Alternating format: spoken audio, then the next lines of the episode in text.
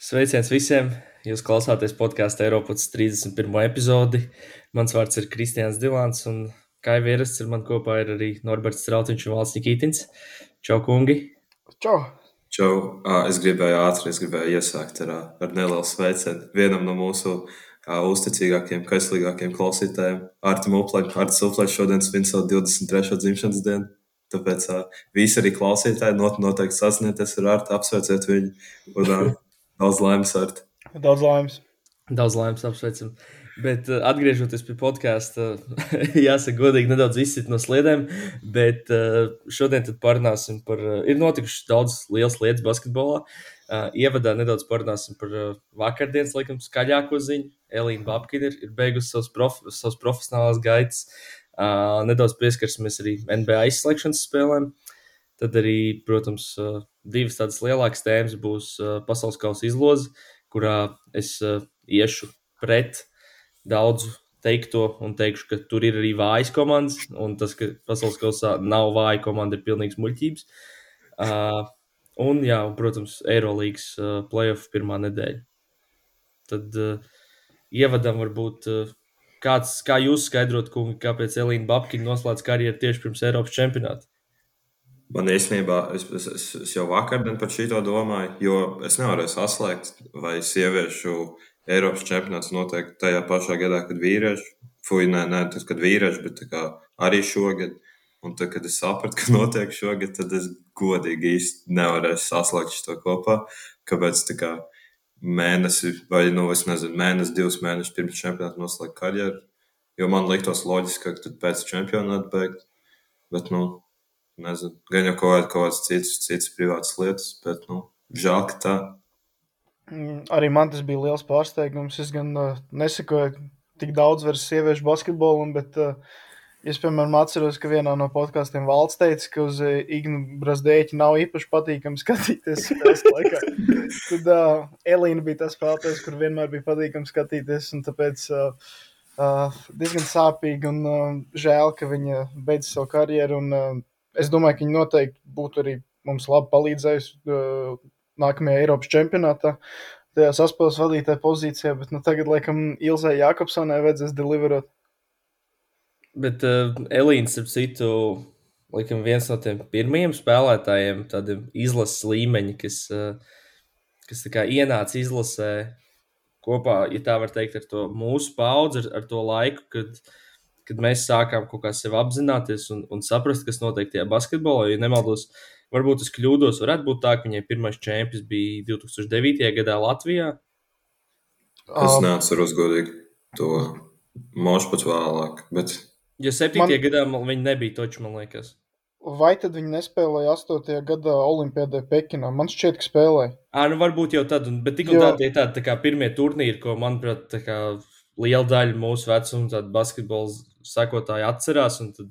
Tas līdzīgi kā ar, piemēram, ar, ar, ar Dairu Bērtānu būs. Es, piemēram, atceros viņam tos uh, pirmos soļus ASK, kad viņš bija ticis pie pieaugušo komandas un gāja skatīties tās spēles klātienē. Jo tomēr tie džeki, kas vēl spēlēja drusku iepriekš, nu es, es nevaru apgalvot, ka es atceros, kā viņi ir sākuši. Pat tie, kas ir kā, sākuši pēc mūsu dzimšanas. Uh, Es atvēru vaļā. Viņi 2008. gadā tiešām spēlēja Olimpijādā. Uh, un gadu vēlāk, 2009. gadā, viņi spēlēja U20 čempionātā. Ah, viņi ne, nebija lielie izlasē uz mājas turnīru? Mm, es tā, tas, tas ir tā Wikipedia tagad. Es nezinu, vai viņi bija vai nebija tur. Tur jājautā Mārim Novikam precīzāk, es, es tiešām nezināšu. Bet tā, nu, Olimpijādēs viņi bija jau 8. gadā.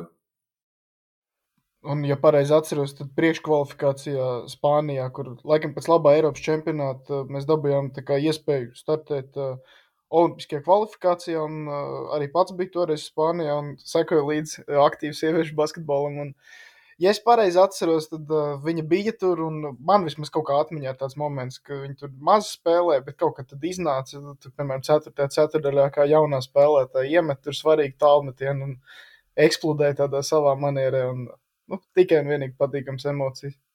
Tad tu vari teikt, principā, ka viņi tev jau uh, 2008. bija iekritusi acīs.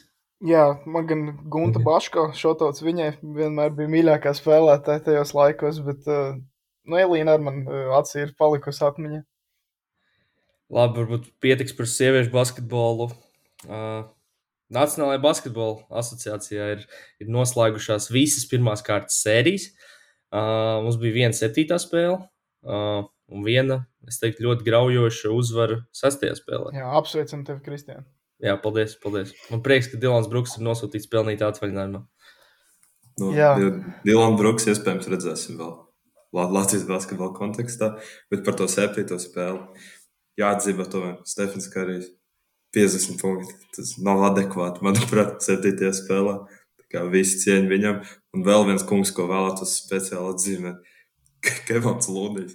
Es neatceros, cik viņš beigās savāca. Bija 21 atlaikas. 21, jā. Es nemaldos. uzbrukumā. Jā, tas ir, tas ir vienkārši kaut kas, kaut kas fantastisks. Viņam, viņam speciāls uzslavs. Man īstenībā tieši Kevina Lunija sakarā tieši pēc tam viņš laikam šajā sērijā trīs vai četros mačos savāca virs 20 bumbām. Jā. Un uh, es nepateikšu, kur viņš spēlēja koledžā, bet uh, man tieši izmeta uh, viņa pirms drafta intervija ar Maiku Šmits, kurš ir tāds, principā, viens no galvenajiem tādiem lielākiem, zināmākiem drafta apskatniekiem, uh, ESPN. Man liekas, ka tas bija vai nu ar Maiku Šmits vai ar to otru džeku, bet respektīvi jau tajā intervijā viņš principā stāstīja, ka viņam uh, koledžā ir, ir pietiekami daudz uh, labu metēju apkārt, uh, spēlētāji ar lielu uzbrukuma potenciālu, un tad, principā, viņa vienīgais darbiņš ir uh, cīnīties aizsardzībā un vākt bumbas, un viņ, viņš ir ļoti izbauda to darīt tieši. Un, un redzam, ka, principā, ja tu noslīpē kaut kādas tās uh, savas stiprās puses līdz, ja tā var teikt, perfekcijai, tad uh, tev atrodas vieta arī NBA. Protams, uh, jānāk līdzi arī kaut kādiem fiziskiem parametriem, jo šaubos, ka, teiksim, 1,90 m entuziasts līgas centrs, kurš iespējams ir labākais rebounders Latvijā. Es ļoti šaubos, ka viņam atrastos vieta NBA, bet, ja tev, teiksim, atbilst tie fiziskie parametri, tad, tad viss ir iespējams. Līdzīgi kā ar, teiksim, ar kaut kādiem sniperiem vai teiksim, tādiem 3D džekiem, kas dara ļoti labi kaut kādas pāris lietas tikai. Tad lūniem līdzīgi. Viņš ir izmantojis komandā lieliski iet iekšā. Tieši tas, ko teica, ka tur visi lieliski metē. Viņam pat nevajag mest pa grozu. Tur ir laukumā, jebkurā citā momentā ir četri spēlētāji, kas, kas, kas ļoti nekautrētos uzbrukt uzbruk groziem. Tur Dreimons drusku kautrējās, bet Dreimondam, starp citu, arī ir pārmests visādās intervijās, tu, ka tur no tevis atkāpies, kāpēc tu nemet. Viņa tas arguments pretī ir apmēram, ka ar mani kopā laukumā ir divi labākie metēji planētas. kāpēc lai es mestu pa grozi? Es varu vienkārši atrast veidu, kā viņiem dabūt bumbu un dot viņiem mest. Nu, vēl ir tā problēma, ka viņam varētu tā mugursoma traucēt. Nu, tas nepalīdz. tas tā, tā taisnība. Bet uh, kas, kas īstenībā mums kā tāds basketbola gardēžs sagaida nākamajā kārtā, tā ir uh, Golden State pret uh, Lakeriem, jeb Stefs pret Lebronu. Visticamāk, jau, jau pēdējo reizi es tādu, es, protams, ceru, ka nē, bet, nu, visticamāk. Jo nu, tur ir tomēr jāsakrīt vairākām lietām, lai viņi spēlētu viens pret otru vēl, vēl izslēgšanas spēlēs. Un es arī redzēju, ka Klejs laikam esot gaidījis 12 gadus, lai spēlētu tieši pret Lakeriem. Tā kā es domāju, tā būs ļoti laba sērija. Vienīgā problēma, ko es uzreiz redzu, ir tas, ka tur ar tiem laikiem, mūsu laika zonām būs tā pašvakāk, un tur būs, laikam, es šaubos, ka es celšos naktī. Nē, bet tur jāsaka, īstenībā, varbūt, varbūt kā, kādā, kādā brīvdienā saliks normāli. Jo tu pats Sakramento pret uh, Golden State, viņi arī atrodas tur, tur tajā pašā, tajā pašā štatā. Tāpēc es nezinu, varbūt mums sakritīs, bet, nu, parasti man liekas, uz, kad ir uh, otrā kārta pienāk, tad viņiem vairs īsti nav, nav tik daudz agrās spēles. Nu, tagad, laikam, ok, labi, otrā kārta ir tikko sākusies, bet, laikam, vienīgā agrā spēle bija uh, New York pret uh, Miami. Tā Jā. bija kaut kādas astoņas pēc Latvijas laika. Un tad abas, uh, abas uh, sanāk, Denveras spēles jau ir bijušas naktī. Uh, Filija ar Bostonu arī bija naktī. Kas jums varbūt vēl kaut kas piebilstams par, par NBA? Mēs tā principā tikai par divām sērijām tā vairāk. An, jā, es varu uzreiz pateikt to, ka es laikam to arī iepriekš teicu, bet Domants Sabons ir ļoti overrated. Es piekrītu, mēs jau Eiropas čempionātā runājam, ka viņš uh, lieliski dala handoffs, un uh, to, viņš, to viņš tiešām diezgan labi dara. Bet, uh, tad, kad uh, no tevis atkāpjas un tevis sedz sodu laukumā, tad tu spēlē 4 pret 5. Un uh, playoffs, uh, man liekas, jebkurā līmenī. Kā, uh, pretinieka lielākie mīnus un tās vājības tiek kā, akcentētas un spēlētas uz tām, un kā, daudz vairāk to izmanto savā labā nekā ikdienā. Šajā sērijā tas ir tas, ko Golden State darīja. Starp citu, es, eh, es tikko pārbaudīju flashkorā spēļu laikus. Un uh, šobrīd ir tā, ka Warriors Lakers sērijā pirmo četru spēļu laiki ir 5, 4, 3, 30 un atkal 5. Uh, un tas ir arī ieskaitot to, ka viena no šīm spēlēm brīvdienā. Tad uh, pēc maniem aprēķiniem, ja spēles ir uh, caur dienu, tad mums vajag aizvilkt vismaz līdz sešām spēlēm, lai mēs varētu cerēt uz kādu agro spēli. Jo pēc kalendāra izskatās, ka šeit septītā spēle nevarētu iekrist uh, agrajā laikā. Un vēl mēs esam uh, daudz kritizējuši Eirolandu par, uh, par to, kā viņi veido savu kalendāru, bet uh, man liekas, arī ļoti interesants uh, NBA kalendārs. Jo, ja nemaldos, bija situācija, kur Filadelfija uh, bija paspējusi noslēgt sēriju, kamēr citas komandas vēl pat nebija aizvadījušas trīs spēles playoffs.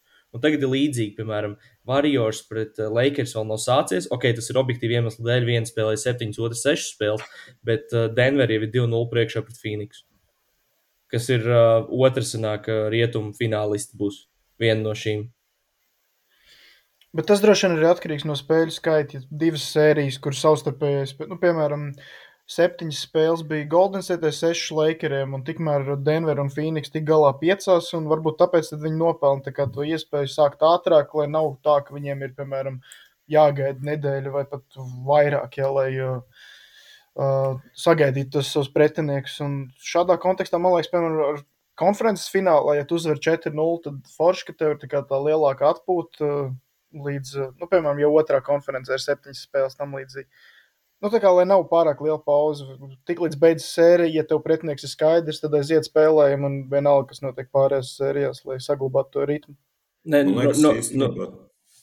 man liekas tā, ka tā Golden State bija vēl, es nezinu, pirms gadiem septiņiem sanāk, tā kā, tā, kad viņi bija pašā pieejamā.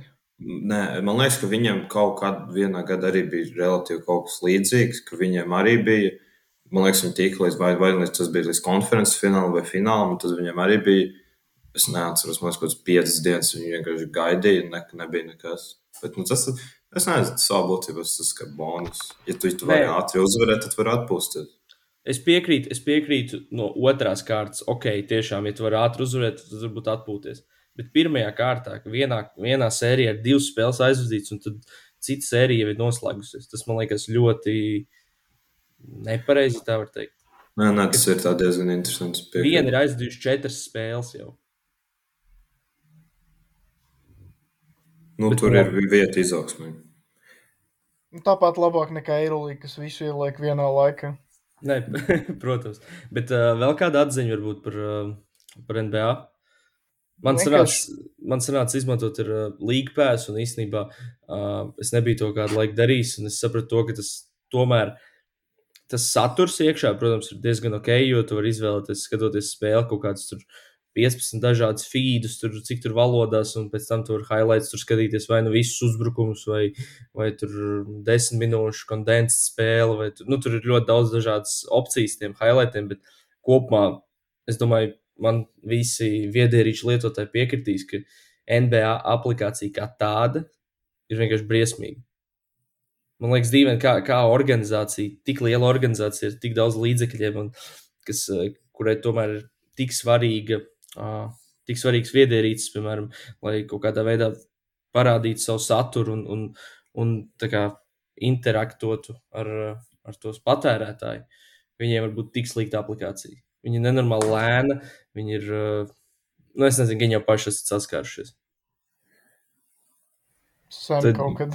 Man godīgi pēdējā, pēdējos gados vairs neesmu. Tagad tikai kop, kopš flashkorā var redzēt spēlētāju statistikas un trīs galvenais statistikas rādītājos. Es vairs īsti nā, neizmantoju šī priekšējā nu, vismaz. Man vairāk tas, ka man kaut kāds uh, field goals interesē, vēl citreiz, vai, vai vēl kaut kāda cita statistika. Un tad, ja, piemēram, uh, ja neskaties to spēli, tad tu nezini to field goal. Ja, piemēram, kā Klais bija uzmetis 1-10 pirmajā puslaikā septītajā spēlē. Nu, jā. Tā kā jā. Bet ne, man, man, man, es, es nezinu, kāpēc ar mobilo, bet es nezinu, ar datoru viņa liekas diezgan ok. Tur, tur tieši arī tajā pašā, man liekas, tajā lapā, kur tev ir streams, tu pabrauc uz leju, un tev ir arī boxe skors, viss. Tas, tā kā, tas mums parocīgi. Jo Eirolandā, piemēram, ja tu skaties Jurlīku TV spēli, tu gribi vēl zināt statistiku, tad tu vajag iet vēl otrā mājaslapā, vērt otru tabu vaļā, un tad tur, tur bišķiņ, tur varētu kaut kā, es nezinu, Jurlīku TV viņi varētu iestrādāt, lai tu varētu statistiku redzēt ārtāk.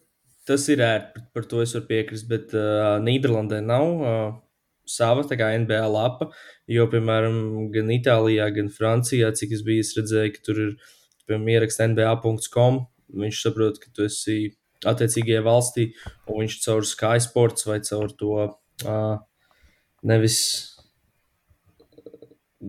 BIN, man liekas, tā sauc to kantoru. Francijā, attiecīgi, viņš atver uh, kā, caur viņu mājaslapu to NBA, un tur, tur gan interfejs, gan viss nav, nav baigi pateicīgs. Nē, Nīderlandē, piemēram, tā kā šitam tā nav, bet, piemēram, NBA, man liekas, viņam ir tā pati parastā, bet, piemēram, vēl lieta, kas man liekas, ka ESPN ir atver uzreiz Nīderlandieši, kurus viņam, tā kā, principā, visu, ko viņi piedāvā, ir viņu futbols. Tā kā, ja es gribu apsieties, piemēram, nezinu, hokeju, tad nav opcija vispār. Tad man jāiet caur, caur viņu mājaslapu, jo ESPN nestrādā. Bet, uh, jā, gan jau varam doties tālāk, es tā pieņemu. Tu īstenībā ierunājies par hokeju un, un Nīderlandes. Man liekas, ja nemaldos, tad Nīderlandes izlase apspēlēja varu no Ķīnas hokeja.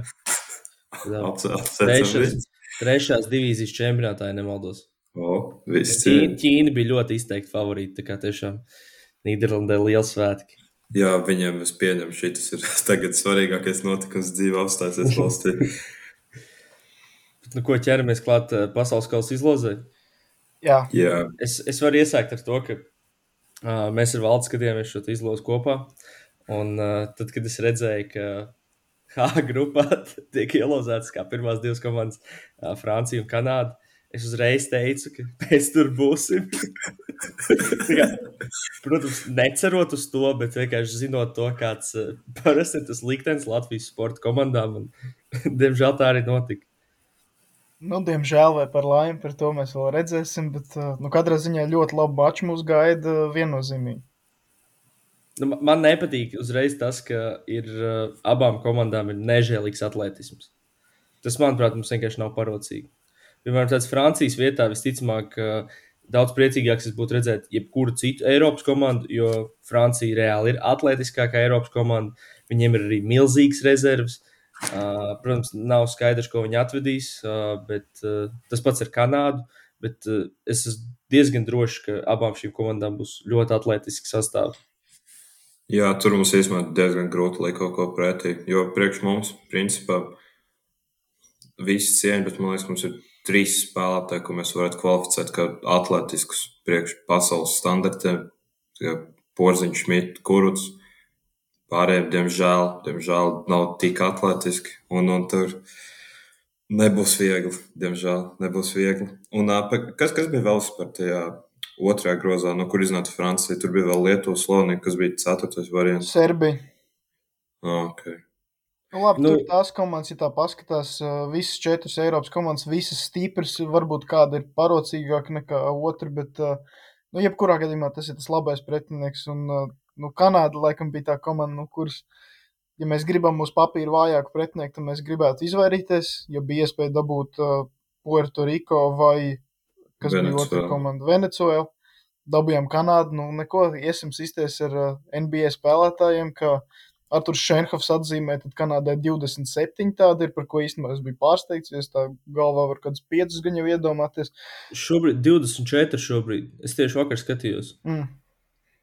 Nu, jā, un tie, kas ir tur, jau no, ir arī tādi, kas ir, kas ir, kas ir zvaigznes. Nē, nav, bet, nav, bet, nav visu lomas pateikuši. Es, es pētīju, starp citu, vakar tieši šos NBA kanādiešus, un es nonācu pie interesanta secinājuma, ka, principā, ja mēs neskaitām šeju, kuram ir karjeras labākā sezona, uh, RJ Barrett, un tur bija, laikam, Benedikts Matūrins vēl, kurš ir labāks par Lebronu, tad uh, lielākie daļai no pārējiem uh, bija kritums šajā sezonā karjerā. Tas ir uh, bēdīgs slavenais Dilans Brooks no Memphisas, uh, uh, lieliskais Oklahoma City standarta krampētājs Ludorts. Andrew Vigins, uh, Džamāla Marēm tur bija neliels kritums, bet tāpat kritums tur bija Kelijs Oliniks. Viņam arī bija, labi, viņam tur bija Viņš nekad varbūt nav bijis superzvaigznes, bet viņam bija tas viens nogriezis Houstonā, kur viņš lika apmēram All-Star līmeņa cipars. Uh, tur tiešām vēl tur bija ļoti daudz, bet tāds varbūt lielākos, uh, cik zināmākos vārdus. Visādi Trey Lyles, Dwight Powell, un nu, pilns ar šādiem. Ir. Bija vēl viens uh, Detroitā, es viņam tik aizmirsu vārdu. Detroitā bija, man liekas, Rukijs, kurš bija, kuram bija tīra ok, cipari kaut kas ap desmit punktiem, un arī garais, ja nemaldos. Viņam bija uh, tāds afrikāņu izcelsmes vārds. Nezināšu. Sorry, Bet, uh, kā jums liekas, uh, Kanāda, Francija, kuras stiprāka komanda tagad tā pasaules Kanādas sastāvs, tā ļoti interesants. Sāk, Nē, bet es, es tev varu arī nosaukt Kanādas 19. gada pasaules kausa sastāvu. Uh, lai gan uh, es domāju, ka mēs neko tādu vēlreiz nepiedzīvosim. Es, pusi man, tur neatveda vai kas tur bija? Tur bija, man, nu, tur Korijs Džozefs bija līderis. Viņš tagad Detroitā ir. Nav tā, ka. ka, ka, ka bail paliek. Nē, nu it kā nav tā, ka bail paliek, bet uh, zinot to, ka mums ir problēmas mazajā galā, un tas tieši par atletismu, ko es gribētu piebilst, ir tas, ka, piemēram, ja es gribētu domāt un cerēt, ka garajā galā tas atletisms, lai cik dīvaini tas nebūtu, mums varētu nepievilt, problēma būtu tieši starp mazajiem, vislielākā. Uh, tad, piemēram, 19. gadā bija, bija divi pilnīgi random, kurus es īsti nezināju, no kuriem viens arī bija beidzis karjeru uzreiz pēc tam, bet tur bija Pangos, tad bija Melvins Eidžims, kurš tagad ir Unikahā, Korijs Džozefs, tad bija Uh, man liekas, Andrew Nemhārds, viņš bija uh, tas, kurš Peiseros iemet game winner šo sezonu. Dornekams uh, arī nebija tie paši. Uh, man liekas, ka nebija. Bija Konors Morgans, uh, bija brāļs Krabi, uh, abi tagad Obradoro mauc, uh, Kails Vilčers, arī Eiropā pietiekami zināms, viņš ir uh, Ķīnā tagad, un uh, no NBA tur bija Kems Birčs. Jā, bet es viņiem, piemēram, es redzēju, ka viņiem Pagājušā vasarā, kad bija pasaules kausa kvalifikācija, viņam arī kvalifikācijā jau šeit Gilģis Aleksandrs spēlē. Tāpēc es domāju, viņš spēlē kvalifikācijas, viņš gan jau būs arī uz lielo čempionātu. Tur vēl bija tas uh, olimpiskais kvalifikācijas arī, kur viņi, kam viņi Horvātija zaudēja vai kam. Uh, tur viņiem bija labs sastāvs. Jā, nu, tur viņi bija. Tas sastāv. Viņi, es man liekas, viņi Itālijai zaudēja vai kaut kam tam līdzīgam. Itālija, Itālija Belgradā spēlē Itālijas serbus pie. À, tā tad viņi kaut kā, man liekas, Vā, Vācija nebija uz Olimpijādu. Mašīna viņiem zaudēja. Jo es atceros, ka jā, laikam, jā, diezgan, laikam, diezgan random zaudēja kaut kam tādam. Jo tur viņam, liekas, pat bija tīri pieklājīgs. Es atceros, Vigins Čists bija. Kaut, es nezinu. Mārijas gan jau nebija, man liekas, tas bija traumāts. Vai arī nu, Instagramā stāstījis lika? Arī, arī variants, jā. Bet, bet man vienkārši ar to Kanādu ir tā, ja viņi atved pulsu līdz pieklājīgu sastāvu, tad tur ļoti grūti ar viņiem, viņiem, viņiem argumentēt, diemžēl. Es gan nezinu, kā jūs. Nē. Ziniet, kas viņus piemānīja? Čehi. Ah, jā. Čehi viņus piemānīja pagardājumā. Tie čehi, tad, un čehi arī vinnēs Eirolīgā. Čehi, čehi sagrāva Grieķiju pēc tam finālā un tika uz olimpiskajām no Uh, viņi bija Kanādā spēlēja, tur bija Čehija, Grieķija, Kanāda, Turcija, Urugvaja un Ķīna. Un Čehija tika ārā no šitā. Tas diezgan, diezgan negaidīts, tas to nebūtu. Nu, re, bet uh, es īstenībā negribu līdz galam piekrist. Es um, nepadodos uz Latvijas izlasi. Tā kā mums pēc tūrs ir Luka Banki, un mēs jau esam sazinājuši, cik spēles tur spēlējuši ar serbiem, turkiem, vienalga ar ko liels izaicinājums. Pirms spēles liekas, nu kā tad mēs tagad varam sīsties ar serbiem, piemēram, un nav bijusi problēma. Mēs vienmēr atrodam kaut kādus risinājumus, vienmēr piedāvājam tādu fizisku spēli un joprojām mētājam arī tālmetienus, tur dairis skrien ārā mētā tam līdzīgi. Tad, nu, šeit līdzīgi man arī nu, ļoti svarīgi ir, lai mums tomēr ir tas porziņš apakšā, kurš tiešām FIBA basketbolā uh, nezaudē tās savas kvalitātes nekādā veidā. Kāds, piemēram, es uzskatu, ka Sabonis uzreiz ir sūdīgāks FIBA basketbolā, tad porziņš joprojām ir uh, ļoti, ļoti labs. Un uh, kamēr vien mums uh, ir tā spēcīga apakša un mēs varam iemest kaut kādus metienus no distances, es ticu, ka mēs uh, sazīmēsim labu spēles plānu un varēsim cīnīties. Un gan jau piemānīsim kādu. Un es pat tagad sāku domāt, varbūt, varbūt Kanāda un Latvija varētu iziet no grupas, un uh, Francija varētu palikt ārpusē. Tas būtu ļoti interesanti. Jā, bet te man liekas, te ir vienkārši nedaudz atšķirība, ka visas tās komandas, ko tu nosauc, tur gan Turcija, Serbija. Turcija, tur tā kā neviena no viņām to nepiedāvā tādu atletismu, kā šīs divas brigādes. Pat ne tuvu nepiedāvā. Es īstenībā būtu bijis krietni priecīgāks. Tas izklausās arī nedaudz tā dīvaini. Es krietni priecīgāks par Serbiju nekā Franciju. Jo Serbija ir sev pēdējo, nezinu, desmit gadu laikā pierādījuši, kā čokers nočaukoja gan iepriekš Eiropas čempionātā, arī tieši iepriekšējā pasaules kausā. Es, ka viņi Argentīnai laikam zaudēja bestēmā. Jo viņi bija principā uz to iepriekšējo pasaules čempionu, viņiem bija pat arguably labākais sastāvs, un tad viņi zaudēja jau laikam ceturdaļfinālā. Tāpēc par serbiem arī būtu relatīvi priecīgāks nekā šitām divām. Jo nu, mēs atletismā tur diezgan grūti likt kaut ko pretī. Ne jau mums visi sāks, visi spēlētāji uh, lekt 20 centimetrus augstāk pa vasaru.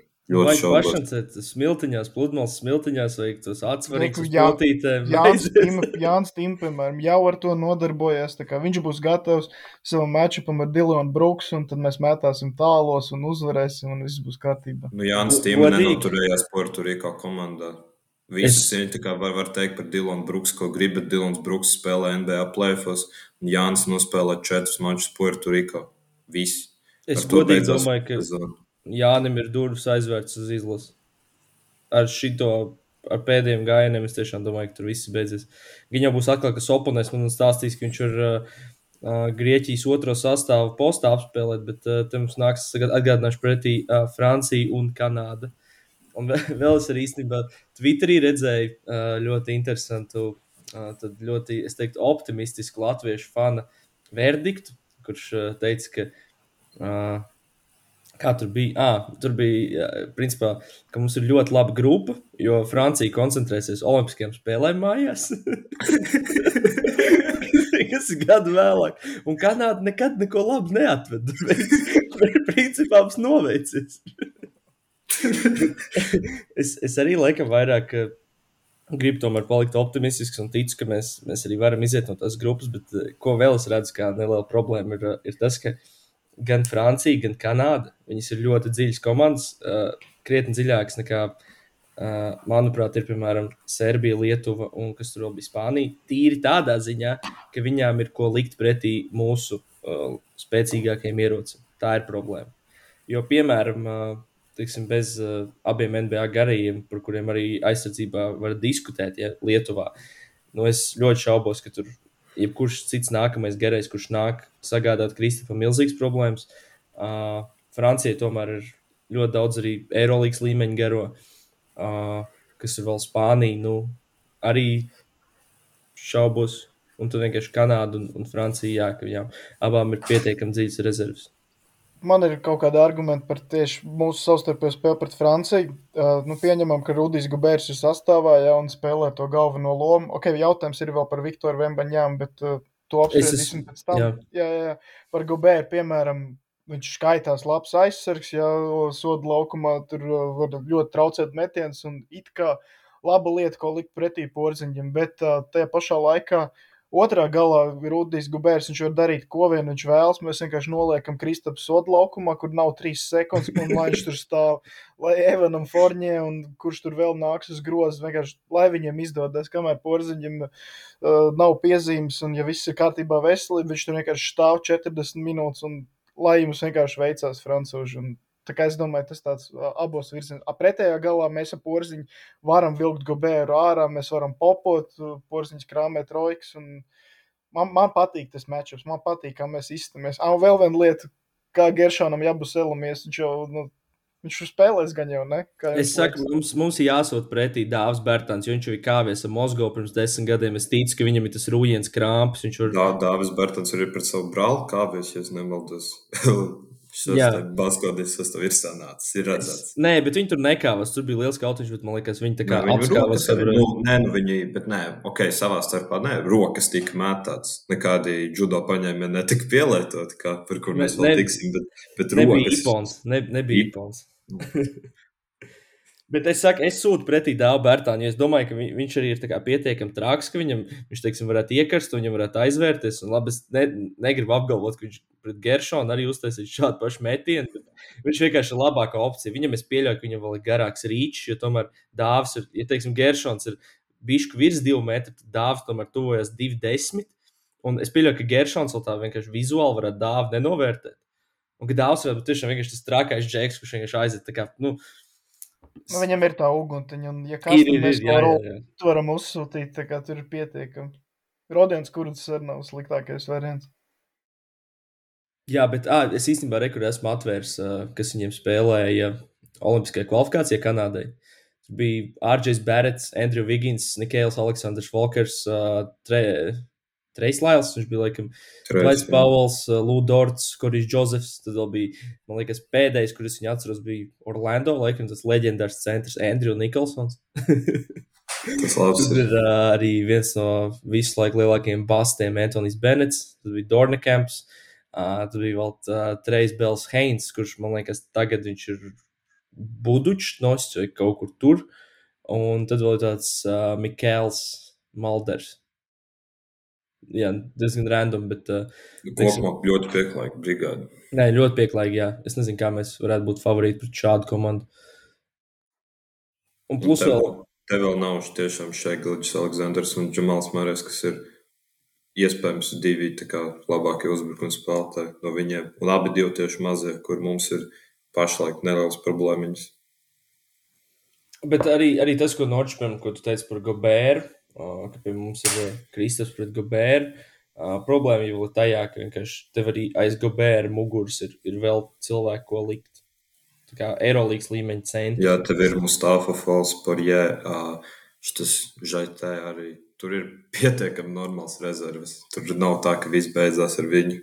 Jā, tā, ir- tā ir tā problēma arī. Un, ok, ambīts nebūs, un es varu arī pastāstīt, kāpēc, manuprāt, nebūs ne ambīts, un nebūs ne arī uh, Vembijs, uh, jeb Viktors. Pirmkārt, uh, ja nemaldos, pēdējā reize, kad uh, pirmais drafta numurs ir spēlējis uh, starptautiskā turnīrā pēc drafta, pirms iekļūšanas, pirms debitēšanas NBA, ja nemaldos, tas ir Antonius Deivis. Olimpiādē, jā. jā. 12. 12. gadā. Jā, jā. Ok, varbūt arī kaut kāds Benets uzspēlēja, bet es šaubos. Nu, ok, labi. Pie, paliksim pie tā, ka Antonius Deivis ir pēdējais piks. Pēdējais, pirmais piks, kurš spēlēs uzreiz starptautiskā turnīrā.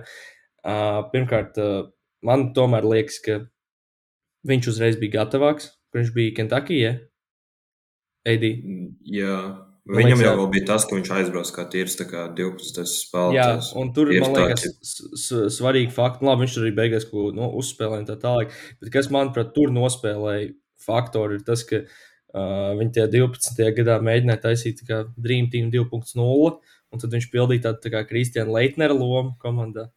Principā, jā. Tur vairāk tā kā amerikāņi varēja redzēt, redzēt kā stāstu izvilkt no tā visa. Un tas ir viens, uh, otrais. Uh, Neviens neriskēs ar tik lielu talantu kā Vembijs, lai viņš vienkārši uzspēlētu. Nu, viņš, lai viņš tur izlasē uzspēlēt. Kāpēc? Tā, es pieļauju, ka viņš, piemēram, tiks kaut kādā pilnīgi briesmīgā frančīzē, kā piemēram Detroit. Pieņemsim, viņa, ne, ja nemaldos, viena no favorītiem uz, uz pirmo piku loterijā. Viņš tiek tādā frančīzē. Detroit, kas vienkārši tiešām viena no briesmīgākajām frančīzēm NBA. Es domāju, ka pat viņi nav tik stulbi, lai ar generational talantu riskētu, lai tikai lai viņš var uzspēlēt izlasē pirmajā pasaules kausā. Tā Jā, tad vēl jāņem, vēl jāņem, vērā, jāņem vērā vēl fakts, ka viņš speciāli nespēlē Eirolandā šo sezonu, lai sagatavotos draftam un visam pārējiem. Un, ja viņi un tur kā pasaules kausā noteikti vēl, vēl krietni, es nezinu, fiziskāk, agresīvāk, nekā Eirolandā. Es domāju, varbūt ne fiziski agresīvāk, bet vienkārši tas, ka tas ir liekas risks tev spēlēt, vēl iet visu to sagatavošanos. Es domāju, viņam ir pietiekami liels darbs jāizdara, lai viņš tur atkal stiprinātu visu iespējamo un, un mēģinātu pielāgoties tam NBA basketbolam. Es domāju, tajā pirmajās, tajā pārējais starpsezonā uz to NBA viņam tur būs pietiekami daudz lietas, ar, ar ko ņemties uh, un izlase nebūs uh, tar, tajā viņa plānā. Un tas arī nav gluži Petraševa gadījums, ka tu nebrauc uz izlasi, jo tu nav ar ko tur spēlēt. Nu, tā. Arī tas Jā. Nu, Vembaļam pietiekami, ka jau atradīs, ko de, atradīs Detroit, ko viņam darīt. Nebūs garlaicīgi, bet izlasē es arī piekrītu, ka ļoti, ļoti šaubos, ka viņš tur būs. Es tāpēc biju nesaprotu, kāpēc viņu cenšas visi izcelt kā, kā Francijas lielāko zvaigzni. Tas tāds mūsu viedoklis. Piemēram, es gribētu, lai viņš spēlē tīri kā, kā skatītājs, kā fans. Es arī, es arī, Vēl bet es lieta, vienkārši. es, labi, es līdz galam nezinu to NBA politiku, ja, ko tu drīkst darīt, ko tu nedrīkst, kad tev ļauj spēlēt, kad neļauj.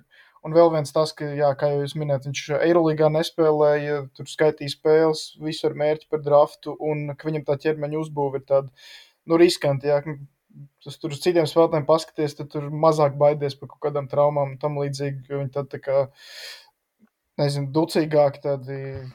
Nu, nezinu, nu, neizskatās tik traumatiski. Neizskatās, ka viegli var kaut ko sačakrāt. Bet uh, no otras puses, uh, NBA sezona tāpat ir 82 spēles. Uh, tev katru gadu tas ir. Un pasaules kausa ir cik reizes četros gados. Un tev ir Jā. iespēja kā, uz pasaules kausa skatus uzstāties, uh, spēlēt, uh, dot pienesumu savai valstī. Un, ja tu visu dzīvi raustīsies, notraumēties, nu, tāpat tev kaut kad ir jāspēlē, tāpat tu kaut kad riskē. Nu, ne, es saku, es nezinu tos noteikumus un viņa plānus, cik viņam tur svarīgi ir tiešām simtprocentīgi sagatavoties sezonai, bet uh, es kā fans gribētu spēlēt, un lai viņš spēlē, pats arī gribētu. Bet, nu, jā, nu redzēsim, redzēsim. Es redzu, ka ir pretarguments otrā virzienā, bet nu, tur viss atkarīgs no citiem cilvēkiem, nevis no mana viedokļa. Es, es piekrītu par to, ka cik tur var raustīties un, un ka tev ir arī kaut kad jāspēlē, bet uh, es drīzāk domāju, ka tā nebūtu vairāk kā raustīšanās. Es domāju, ka viņš, viņš vēlāk būtu gatavs spēlēt, jo viņš jau tomēr spēlēja pasaules kausa kvalifikācijā. Bet uh, man vairāk liekas, uh, tas, ka tikko izkrīt, no galvas, ko es gribēju teikt. À, nu, pirmkārt, jā, tas, tas ir visticamāk pirmais no daudziem pasaules kausiem. Tā ir viena lieta, un, un otrs ir tas, ka uh, nav tā, ka viņš ir Francijā neaizstājams nu, teorija, ok, tāds talants ir neaizstājams, bet tur ir pietiekami dziļš tas, tas talanta basēns. Uh, un vēl ir tas, ka, piemēram, San Antonio Spurs, Jeremijs Sohans bija, kurš viņš bija loterija piks, man liekas, viņš bija kaut kāds 7, 8. Kaut kas tāds, jā. Kuram krāsaini, māte, kurš nemāk sodiņas mest. No, māk, tagad, tagad māk. Tagad. Bet, nu, viņš visu sezonu tur strāgoja. Uh, viņam San Antonio neļāva spēlēt Eiropas čempionātā tas, ka tur poļi bija pateikuši, uh, poļu publiski bija pateikuši, ka, uh, ka viņš tur vēl līdz pēdējiem domās, bet nu, jau saulaicīgāk bija skaidrs, ka, ka viņam neļaus spēlēt. Es vienkārši neredzu, kāpēc, lai NBA komanda tiešām riskētu. Ja viņiem pieder tā kā teikšana, kāpēc viņi riskētu ar tik lielu talantu. Un vēl vienīgais, kā es redzu, kā viņu varētu kā, palaist, ir, piemēram, nezinu, tāda samērā maza tirgus komanda, kā Detroit. Viņi nodriftē, tad viņiem vienkārši būtu izdevīgi viņu aizsūtīt uz Āziju, kur ir nenormāli tie visi crazy fani, kas ir gatavi pirkt pilnīgi jebkādu mērķu, un tad viņš uztaisīs tur viņiem tā kā biznesa tādu braucienu, principā aizbrauc, kļūst populārs tur, un tad vispār viņa fanu un komandai ienes, uh, ienes peļņu. Jā, nu vēl viena lieta, protams, svarīgi, kurš tad pieņem to lēmumu, vai komanda var tev pateikt, nē, tu nespēlēsi vai nē, bet Un, protams, viņš ir jauns, vēl nav uzspēlējis NBA, bet teorētiski tāds porziņš, Jānis. Viņi ir labāki spēlētāji nekā Vembi šajā mirklī. Un, piemēram, no viņiem arī tiek kaut kas gaidīts. Vašingtonā tur grib kļūt labāk, tikt playoffs un tam līdzīgi sākt kaut ko uzvarēt. Jānis un Milvoka noteikti gribēs cīnīties par titulu. Un, nu, viņi, ta, vi, jebkurš spēlētājs spēlējot, riskē, ka nu, kaut kas var notikt. Un tad, uh, Varbūt tas ir lielāks risks komandām, kas jau cīnās par kaut ko, kuram jau šis uh, frančīzes spēlētājs ir labāks. Nu, tas arī ir risks. Un tad es domāju, nu, kāpēc jauno čakarēt un neļaut spēlēt. Nu, tā arī ir vēl viena lieta. Ja citi spēlētāji, no kuriem vairāk tiek gaidīts nākamajā tieši sezonā, ka tu ar viņiem vari riskēt, bet ar Vembiju tu nevari riskēt, piemēram. Nu, tā, nu, no katras komandas individuāli atkarīgs, bet nu, tā vienkārši man tāda interesanta lieta, par ko es aizdomājos no visiem šiem kungiem ir lielāks bargaining power. Gan Kristapam, gan Jānim šobrīd. šobrīd. Nē, bet mēs runājam arī par viņu pirmo gadu. Es vēl tas sagāju, tagad Kristapu nodraftēju 15. gadā. Tad arī bija Eiropas čempionāts, kurā viņš nespēlēja. Tieši tāpēc, ka viņu nodraftēja. Un plus vēl tās, ka viņam pirmkārt, man liekas, amerikāņiem vienkārši pa dzīvi pasaules, pasaules kausa nav viņam tik svarīgs. Es domāju, ka viņam atļaus spēlēt Olimpijādē gadu vēlāk. Jo tas kā, pirmkārt pašiem amerikāņiem Olimpijāda ir liekas svarīgāks turnīrs. Tur ir pēc sastāviem vienmēr redzēts, ko viņi aizsūta. Ka tā kā pasaules kausa viņiem nav tik interesants kā Olimpijāda. Tāpēc es domāju, Olimpijādē viņš jau būs. Bet te ir tīri tas, ka tiešām viņam tas pirmais gads, un viņam, tu pirms tam minētais 82 spēles, viņam tomēr jāgatavojas tam 82 spēlēm. Viņš nekad nav tik daudz spēlējis.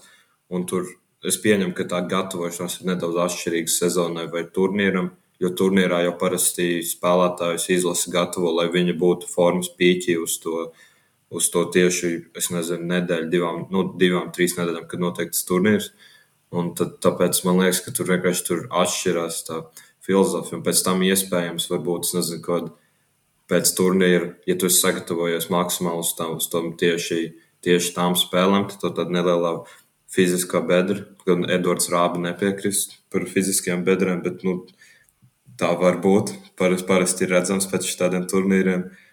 Un, un tāpēc tas ne, es neticu, ka tur sakrīt plāni Francijas izlasē un, un pieņemsim hipotētiskajai Detroitai. Nē, vienkārši man liekas, Detroit ir viena no favorītiem. Tur trīs komandas, man liekas, ir vienādi procenti. Detroit, ja nemaldos, bija stabili lielākā mīskas no tām visām. Nu, labi, tur arī pārējās nav diezgan spožas frančīzes, bet, nu, man liekas, nezinu, Detroit vēl ar visu to, ka tā ir. Tur ir ļoti samērā augsts noziedzības līmenis. Man liekas, ka tur ir vieta viss pa grunti lēnām tai organizācijai. Bet uh, es gribu dzirdēt kaut ko ļoti karstu sasilda mūsu. Aiziet. Norča minēja, ka uh, Kristaps un Jānis ir uh, labāki spēlētāji nekā Viktors šobrīd. Es teikšu kaut ko ļoti karstu. Uh, Viktors Fibas basketbolā ir labāks nekā Jānis. Es nepiekrītu pilnībā. Es ļoti šaubos. Jūs esat redzējuši kaut vienu Metropolitans 92 spēli. Jūs esat Jā, redzējuši, mēs- ne, ne highlights, ne highlights, ne highlights. Bet Tas, ko viņš viņš spēlē? Nu, tu redzēji, ko Andrejs Bolvins izdarīja Vembaņā. Labi, pagaidi, nē, nu, ok, bet tādā ziņā, jā, bet, piemēram, tu domā, ka viņš, aiz, ka viņš kā pirmajā sezonā NBA, ka viņš jau nebūs faktiski dominējošs spēks. Nē, nu, Ar visu, ar, visu to, ko, ar visu to, ko viņš dara, viņš tiešām, mēs par Kristapu runājām, ka viņš kustās kā aizsargs. Tad Viktors kustās kā aizsargs uz steroīdiem. Bet Jānis Tas arī tas. Bet Jānis nav mētījis. Jānis ir trīs metrus tālāk no groza, viņš vispār nav bīstams. Tur viņi var tā kā sabonis, sekt, nu, labi, ne, nevar viņa kā sabonis, viņš var ieskaitīties un iedankot, bet nu, Viktors, Vi, Viktors viņu reāli varētu sekt. es nezinu. Nu, Tāpēc, nē, es saku, protams, ka tas ir ļoti karsts. vienkārši tu- aspekts, tad- kad Vembaņām, tā kā, ja Vembaņām būtu vienādi tā kā, tā kā tā fizikāli tas līmenis, tas būtu tāds pats, un viņi, piemēram, viens otru grūstītu, un abi divi atdurtos, tad, tad var būt kaut kā, jo tad kā tas potenciāls ar augumu, ar uh, drīblu, ja, ar metienu, tad, tad tas ir kā tas, tie griezti varbūt ir augstāki, bet šajā momentā Jānis joprojām ir labāks, un viņš viņu vienkārši aizgrūdīs visur, kur vajadzēs, un Jānis ir tāds dzīvnieks. Nu, Es tāds, ļoti šaubos, ka Jānis Baigs. Es domāju, tas pats balvens Jānis iespiest. Nu, varbūt ne tik smagi, bet ļoti līdzīgi. Es vienkārši domāju, ka Jānis eh, var izdarīt, piemēram, ja tu par aizsardzības to impaktu Vembaņāmas domā, tad es domāju, ka Jānis var gandrīz to pašu izdarīt. Bet uzbrukuma impakts kaut kāds vienkārši tas, ka Jānim faktiski nav pilnīgi nekādas, uh, nekādas ability, tā teikt, izstiept grīdu. Jā, Nav, va, bet- nav bet- vajadzības, jā, ja tu vari tu piemēram- basketbolā tas ir nepieciešams. Tas ir nepieciešams. Nē, bet- basketbolā. Es nē, esmu milzīgs haters. Es esmu milzīgs viņa haters. Fibas basketbolā es tiešām uzskatu, ka tāpēc arī, ok, labi, viņš ir, viņš ir globāls superzvaigznes vēl kaut kas, bet es leģitīvi uzskatu, ka jūs paši redzat, ko Kristaps izdarīja pret Turciju. Es tiešām uzskatu, ka viņš ir Kristaps ir FIBA labāks spēlētājs nekā Jānis. Un Jānis, Jokičs un Jokičs, piemēram, un, un, un Luka, kurus arī FIBA izceļ par tādām, FIBA Eiropa tieši izceļ par tādām lielajām Eiropas zvaigznēm. Par viņiem es piekrītu, viņi ir izcilība, kurā basketbolā. Bet Jānis tiešām, nu, ok, labi, tur uz kaut kāda sava atletisma pamata viņš jā, kaut ko viņš izdara. Bet kopumā viņš ne tuvu nav ne tik dominējošs spēks, kā viņš ir NBA. Un es arī tāpēc neuzskatu, ka no viņa ir tik ļoti jābaidās, ja tur pretī viņam uzlikt Krista. Nē, bet tur tā lieta, pieņemsim, ja, viņam, ja tu viņam pieliktu, tas pats bija Eiropas, viņam būtu blakus vairāk par vienu puslīdz pieklājīgu metēju, ka tu nevari viņam mest piecas spēlētājas uzreiz Nu, virsū. tas ir vienīgais veids, kā jo jā. tad es īsti neredzu, kā viņu jebkurš var apturēt. Ja, ja viņam ir apkārt tiešām, ja būtu, ja būtu Grieķiem bijuši tiešām, viņiem principā bija, liekas, viens Dorsis vienīgais, kas puslīdz mācīja mest. Ja tu viņam pieliec blakus vismaz trīs tādas, kas māk mest, tad tas uzreiz tev atņem iespēju viņam likt virsū. Nu, Pagaidiet, tur runā, tur runā, šobrīd, armiju. runā šobrīd par lietām, tur runā šobrīd par lietām, kas būtu, ja būtu. Nu, mēs varam aplikt apkārt, es nezinu, nu, mēs varam aplikt, uh, iedot klāmu čauram metienu. Latvija arī varētu spēlēt five out offense. Nu. Nu, tīri Nē. tā teorija, kas būtu, jo, jo būsim godīgi, reāli. Jānis ir izgāzies uh, visos iepriekšējos turnīros, kur viņš ir spēlējis. Viņš ir progresējis, bet viņš ir izgāzies. Viņu apturēja fucking Brazīlija, apturēja viņu iepriekšējā pasaules kausā. Vienkārši nē, nebija apakšā, un vi, nu, nē, nē, vai kā viņš tur Jā, jā, nē, jā. nē, nē, nē Hilārija. tev- Ja. labi. Vi- Vienkārši tev, tev pietiek uzlikt pāris ķermeņus. Mēs redzējām, kādu sienu Pāris. uzformēja Vācija, vēl kaut ko. Viņam liek, bet Tik tur un tā tā, tu viņu ka- aptur, tu viņu aptur, a, kā tu aptur Kristapu? Viņš to var ie- iebēst no jebkurienes. Kā tu aptur Viktoru? Viktors var no zilās. Tas ir Markus līnija.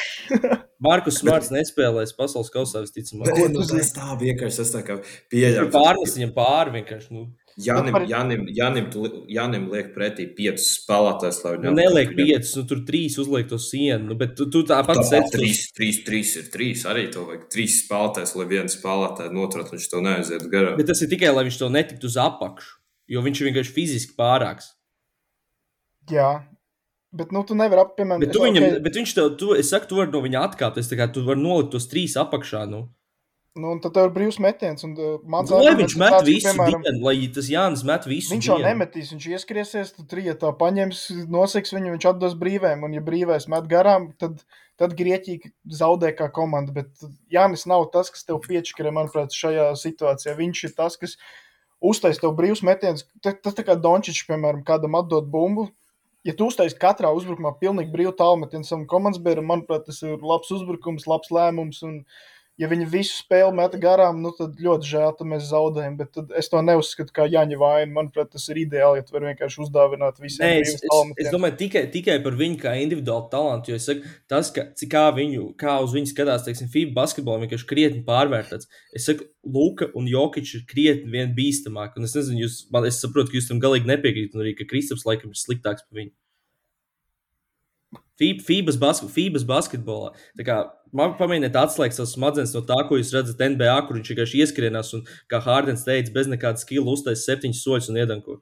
Labi, Nē, es, bet- tas Bet viņš pārspēlē. jā, jā, jā, bet viņš to pašu arī, piemēram, Eiropas čempionu darīja. Tāpat spēle pret Vācijas nedz ar visu to sienu, ar visu to, ka viņš visu laiku deva piespēles, jo viņam uzlika priekšā sienu. Viņš tāpat kaut kādus tuvu 30 iemet. Viņš uzvilkās un viņi izmet ārā no spēles.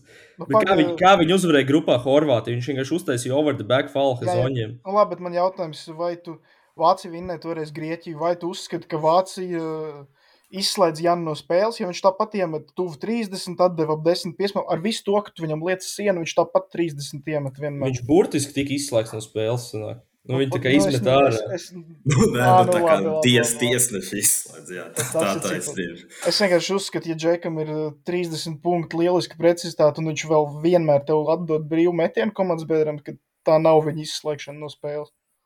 Es Poļi- saku, poļi vienkārši viņš- viņš drīzāk nav ne tu-. Viņš nav ne tuvu tik daudzpusīgs. Tas vienkārši, ka tev vienīgā opcija jā. Bet nevajag, ja tu- tā kā, tas tā kā riteni, ja tas nav salauzts, tu viņu nelabo.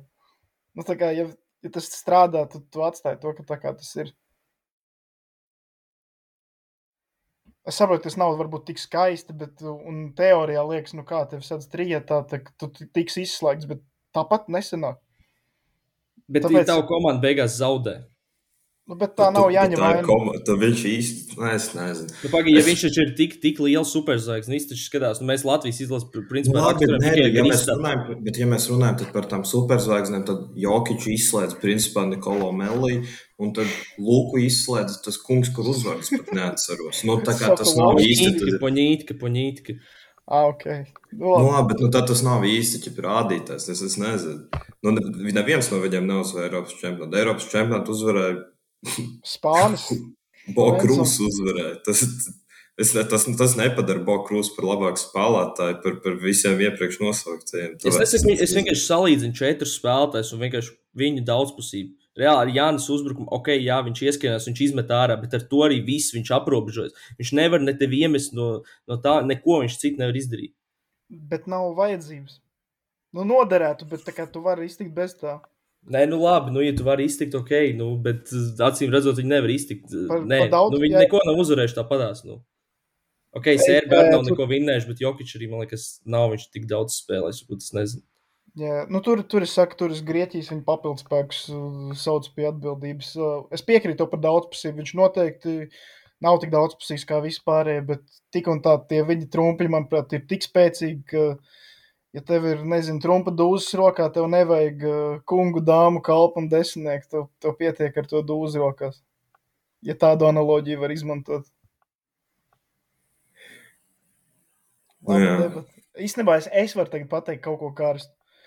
Pieņemsim, ka Mīša atved tur nepārāk uh, traku sastāvu, ja tādus, nu, tā kā vienkārši tādus knapi alstāra līmeņa spēlētājs dažus, jā. Nu, labi, kaut kā tur noteikti būs arī superstāri, bet, nu, nebūs tur, piemēram, pieņemsim, ka ne, nav tur Lebrons, Karijs un viss šitie.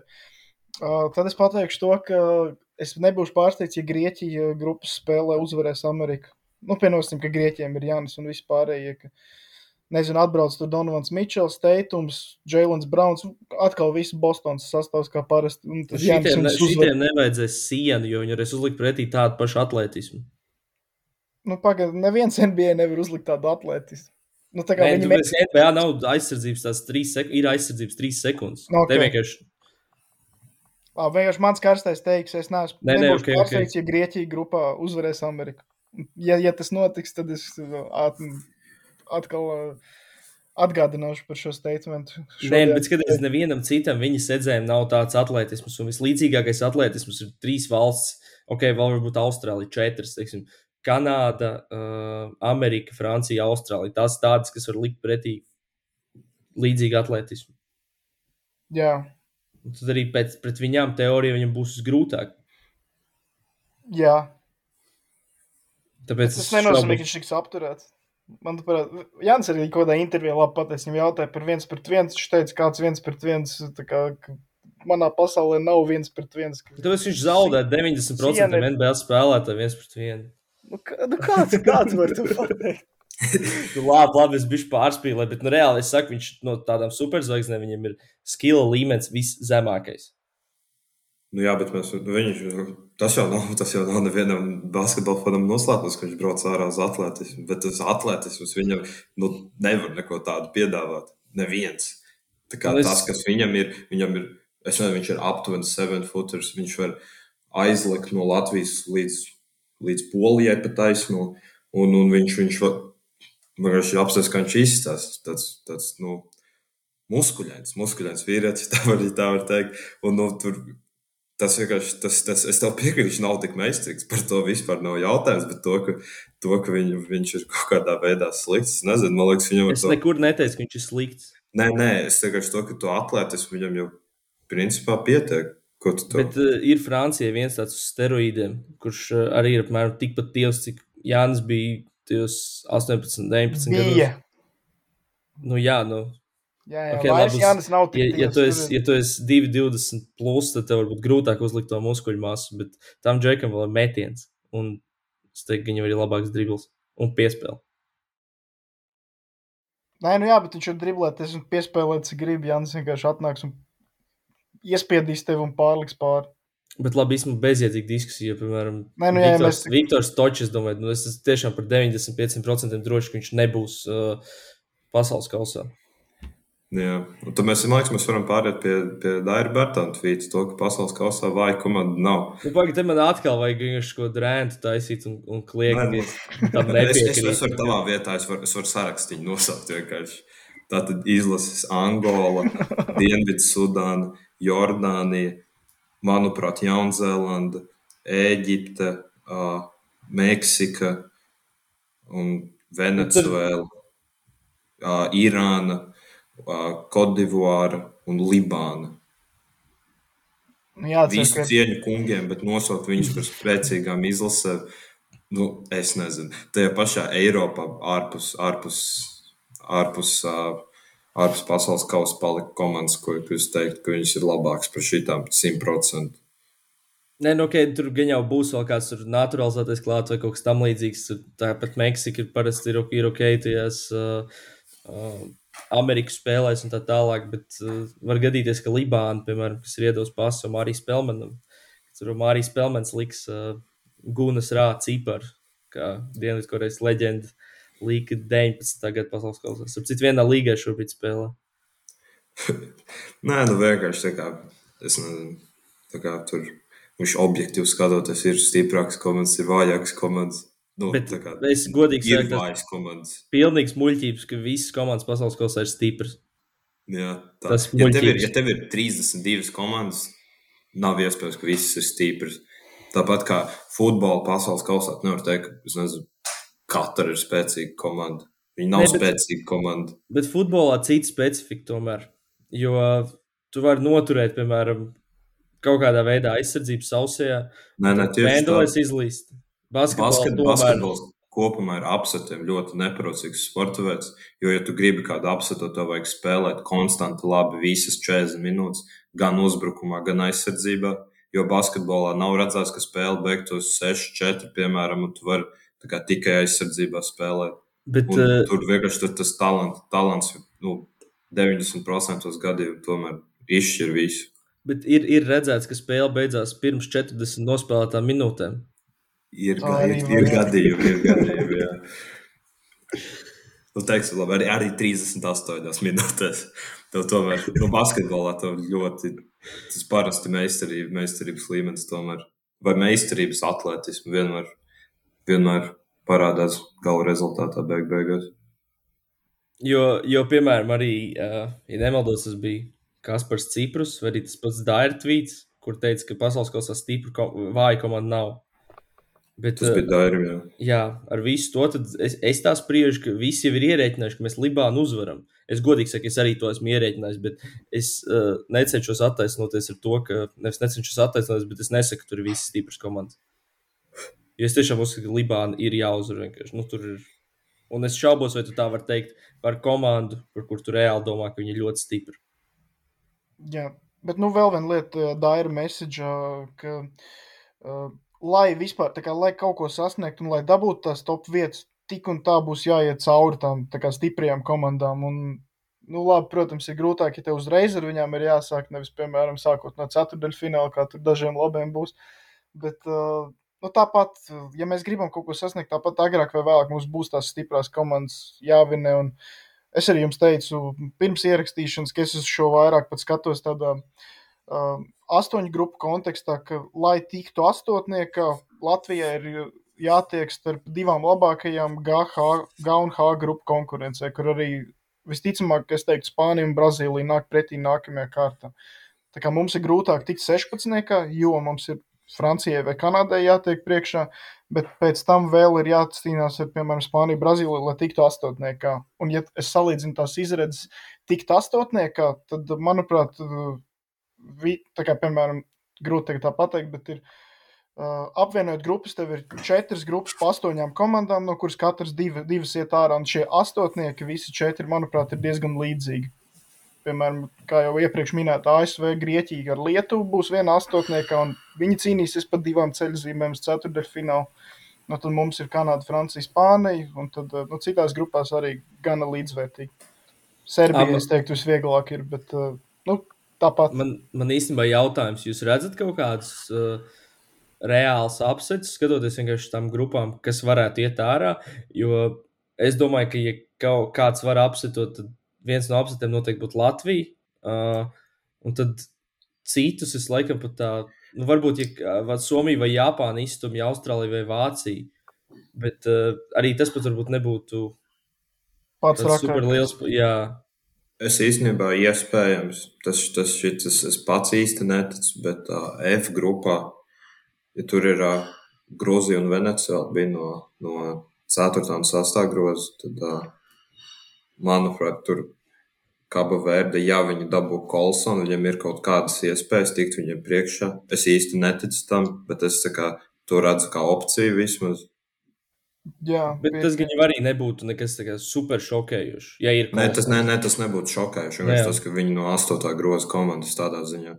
Jo citur es īsti, es pat, es man liekas, te tā kā skatoties tas grupas, Nu, es, Fili, es, Filipīnas vai Dominikāna, piemēram, ir priekš manis 50-50, kurš tur iet ārā no šitām. tas ir atkarīgs, tas ir atkarīgs, ko Filipīnas atved. Ja viņiem ir, piemēram, uh, BL, Belga un, un visi no Talkan teksta vai Reino Shine, tad gan jau ka Dominikāna, bet ja viņiem ir, piemēram, Kais Soto, uh, Jordans Clarksons un Jēlens Grīns, kas, ja nemaldos, abi var reizē spēlēt, jo viņiem ir tā kā, tas saknes, tā neskaitās kā tā tīra naturalizācija, kaut kā tā laikam tas strādā.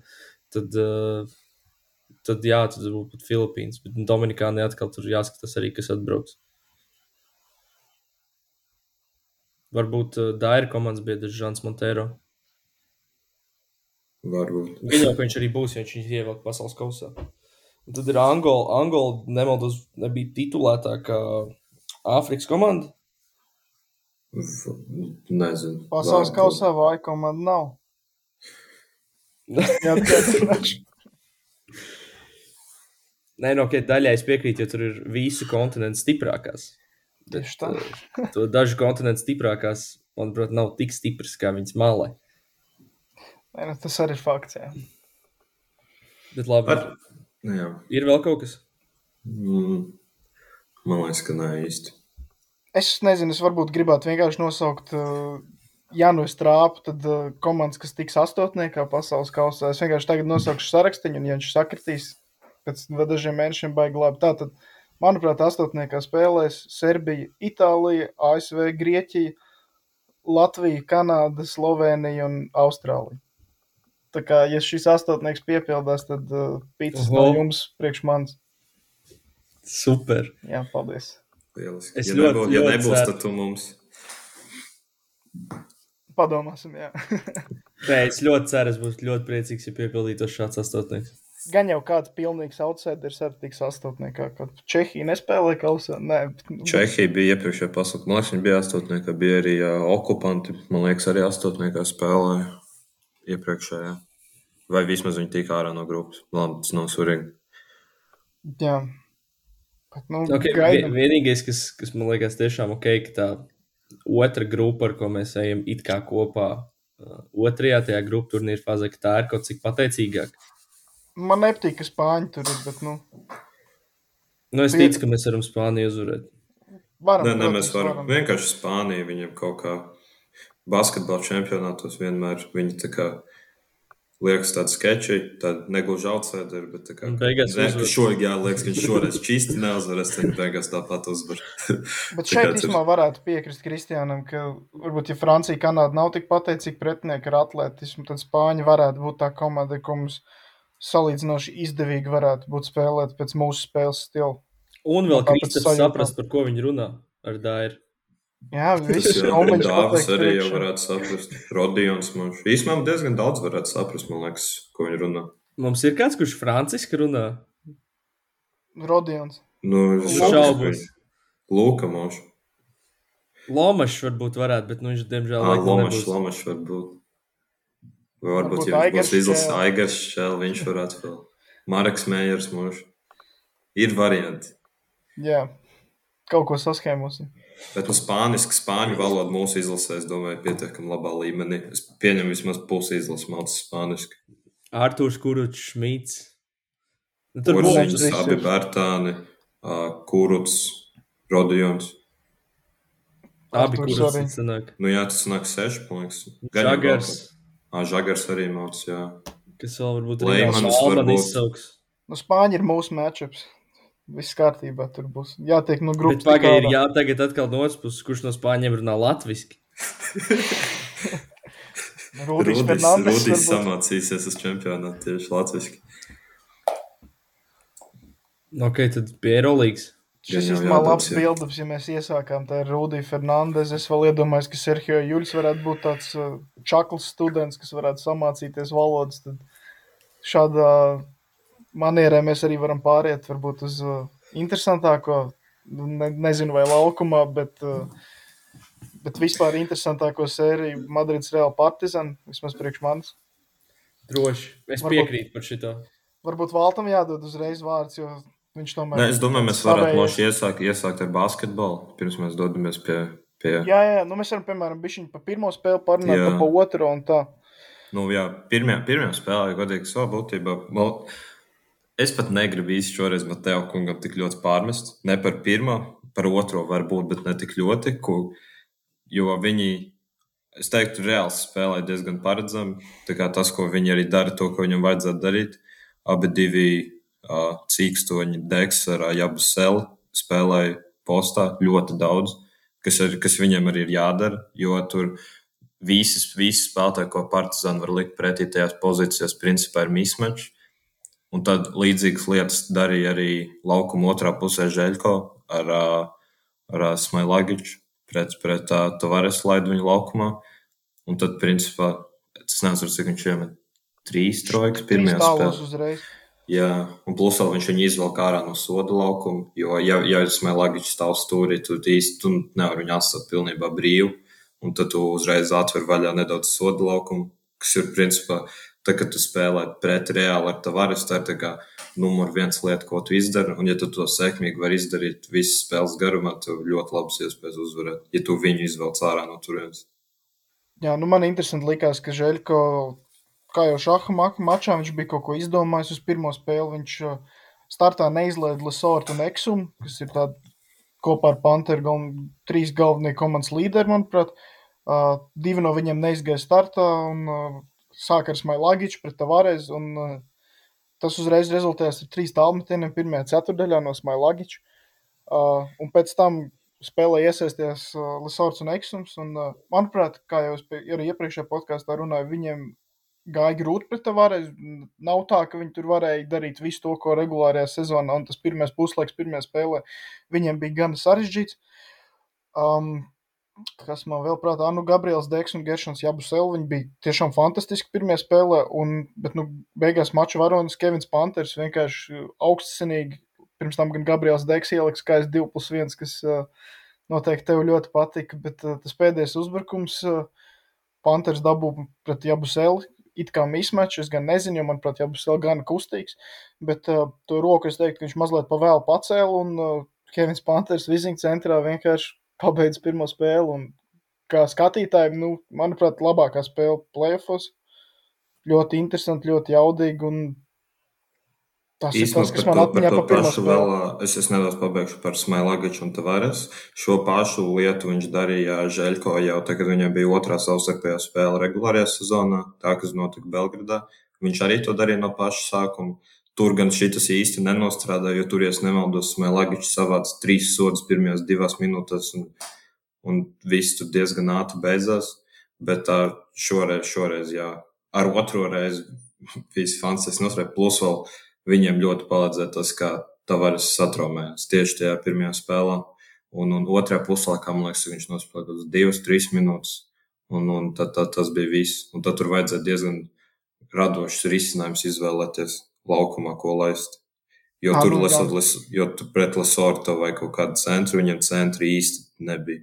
Tikai, tikai cīkstons. Tur cīk, cīkstons diezgan daudz, jā. Spēlē. Viņš pat la, labi spēlē, bet vēl viena lieta arī, tas, piemēram, Smailagičs Tavares matchups, tas tāds arī koks diviem galiem, jo Smailagičs baigi labi izvalk Tavares, ieliek trīs tālos, bet uh, otrā galā arī Tavares neviens nevarēja noturēt. Viņš tur no apakšas met, ko gribēja, vāc bumbas un uh, Tā kā vienā galā tas strādā pa labu partizanam, otrā reālam. Tas bija tā, bet nu, pēc tam tā trauma, tas bija tāds uh, sērijas tā kā game changers. Nu, game, game changers. Nu, jā, jā, arī nu, sērijas changers. Redzēsim, kas jā. tagad trešajā spēlē būs. Un par otro spēli? Jā, nu, otrajā spēlē, kā, kā jau mēs zinām, tad varas nebija, bet bija Porjē atgriezies, kurš nebija spēlējis. Es nezinu, kādas divas, divas nedēļas. Un, un tur godīgi gāja pirmais puslaiks, likās bez variantiem. Tu viņus vazāji, met iekšā metienus. Un uh, otrā puslaika sākumā man atkal neraksturīgi sev nāksies uzslavēt Mateo kungu, kurš uh, viņš otrā puslaika sākumā uzlika zonas aizsardzību, kas ļoti labi arī strādāja sākumā. Viņa pievilka, ja nemaldos, tuvākais bija līdz mīnus 5 laikam puslaikā es nācu, puslaikā bija mīnus 14, kaut kas tāds.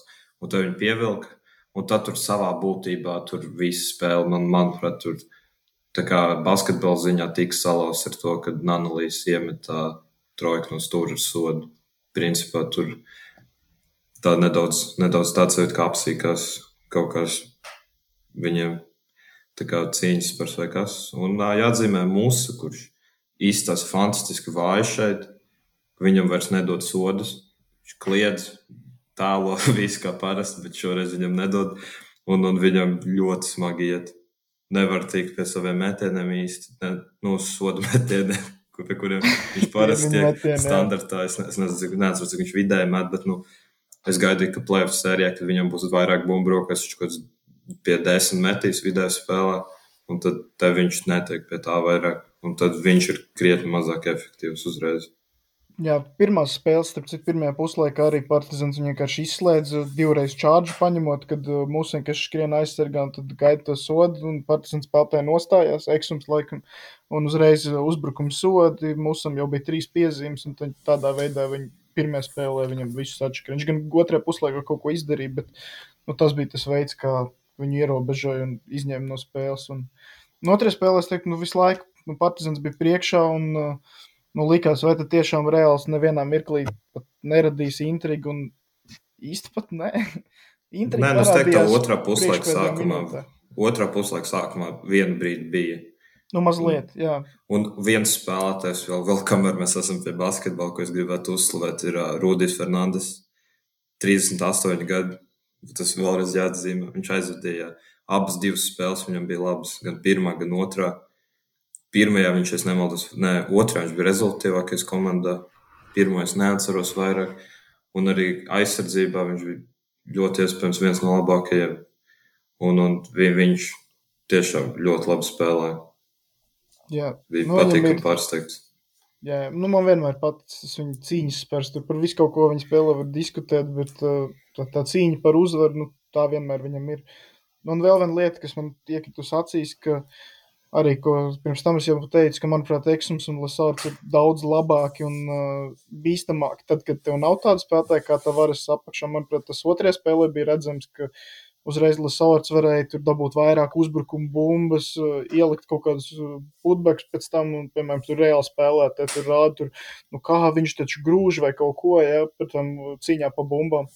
Bet uh, Lasārs vienkārši savā ciemat, un, manuprāt, nekas tāds nenot nenotika pirmajā spēlē ar Tavares, un arī nenotika, ja viņš būtu. Kā, tas uzreiz arī Partizanu to lielu priekšrocību, manuprāt, iedeva. Jā, gan jau tā mēs varētu doties pie notikuma minūte 40 pirms uh, otrā puslaika beigām. Kā, kādas, uh, kādas bija pirmās emocijas? Šoks, kas vēl var būt basketbola laukā, cilvēku kaujās. Mm, tā kā tas nekas pozitīvs trīs. Nu, un uh, Es nezinu, kā, kā, kā jūs plānojat, kā jūs plānojat šo, šim iet cauri, kādas idejas. Nu, nezinu, runāsim, pastīsimies, kas notiks. Nu, pirmkārt, nu, labi, asa piezīme no Jūļa. Panteris uzreiz reaģē, bet, uh, nezinu, man bija skaidrs, ka Panteris viņam nesitīs, ka viņš vienkārši tā kā viņam ielīdīs sejā un pateiks, tā kā, nu, Tā kā, vai neaiztiec mani, ja es esmu gatavs. Ja, nu, viņš tā kā rādīja to dūri, bet bija skaidrs, ka viņš nesitīs. Ka viņš tā kā vienkārši draudēs, ja tā kā parasti teiks, ejam parunāt pēc spēles ārā, ja, un tad neviens neiet ārā runāt pēc spēles. Es domāju, ka tas būs variants. Bet, uh, nu, interesanti tas, ka labi, tā spēle bija tāda agresīva, fiziski, ja, un viss tāda uzvilkta, bet tas, ka tiklīdz šie divi sāk savā starpā runāt sevi pret sevi, ka uzreiz pārējie astoņi spēlētāji saprot, ka viņi vienkārši sprintā skrien. Tas tā kā nav tā, ka tu sagaidi, kad kāds kādu pagrūdīs, un tad tu iesaistīties. Viņi jau sprintā, visi skrēja reāli kauties. Nu, tas ir tas, ko es parasti neredzu. Jo, manuprāt, ir jābūt kaut kādam lielam sitienam vai lielai epizodei, lai kaut kas notiktu. Un es Serhiju Juļu piezīmi neuzskatu par kaut ko tādu, lai uzreiz desmit cilvēkiem vajadzētu skriet kauties. Bet nu, visiem pārējiem eksums skrējas printā, deks skrējas printā.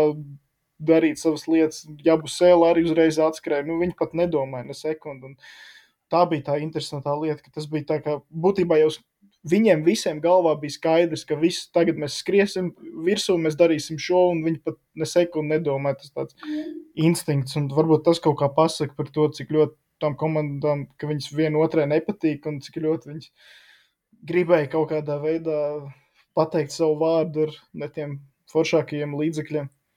Jā, es esmu īpaši laikam vīlies uh, Juļā. Viņš tomēr piedzēs spēlētājs. Nu, tā piezīme. Nu, pilnībā debīli. Nu, es, ne, es nezinu, kā tā kā tā šī tā nerva neiztur. Tas vienkārši man, man personīgi nav saprotams. Un es, es arī par to, to, ka viņam nedod diskvalifikāciju. Es par šito, man liekas, viņa izplatīja kaut kādu pamatojumu, ka viņš tā kā uzsit to piezīmi, kas ir loģiski nesportiskā, bet viņam nedēļ to, to nekādu diskvalifikāciju, tāpēc, ka viņš pats nekāvās. Es domāju, ka viņam profilaksē vajadzēja iedot, es nezinu, lai viņš nedaudz pasēž padomā par dzīvi. Jo nu, tas nu, pilnībā lieki, nu, spēle ir izšķirta. tajā brīdī laikam bija plus 15 Nu. 15, Laikam. jā. Nu, viss bija skaidrs, jā. Un nu, tur šī tas te, nu, pilnībā maksimāli debīli.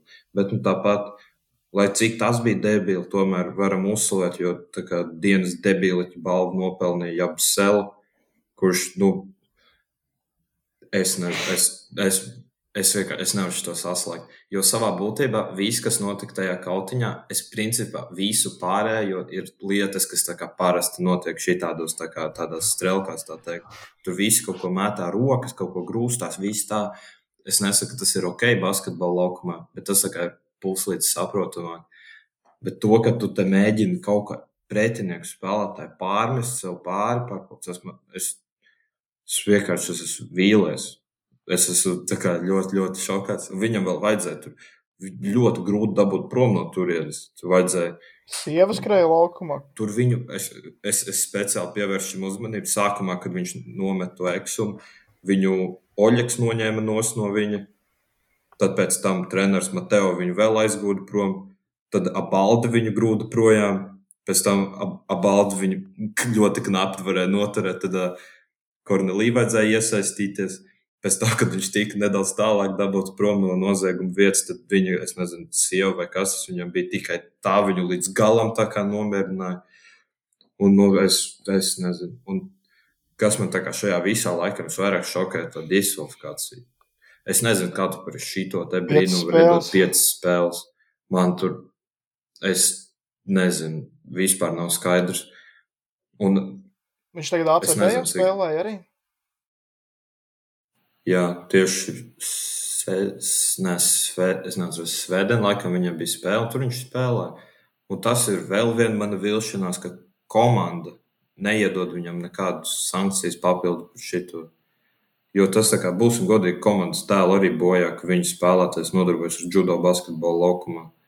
Tā tas ir vienkārši šausmas. Viņam vajadzēja normāli iedot, lai viņš atpūšas. Es nezinu, nākamo sezonu. Es, es personīgi dotu nākamo sezonu viņam atpūsties, padomāt par dzīvi. Iespējams, lauzt līgumu arī, jo, nu, nu bļāviens. Tiešām nesaprotu.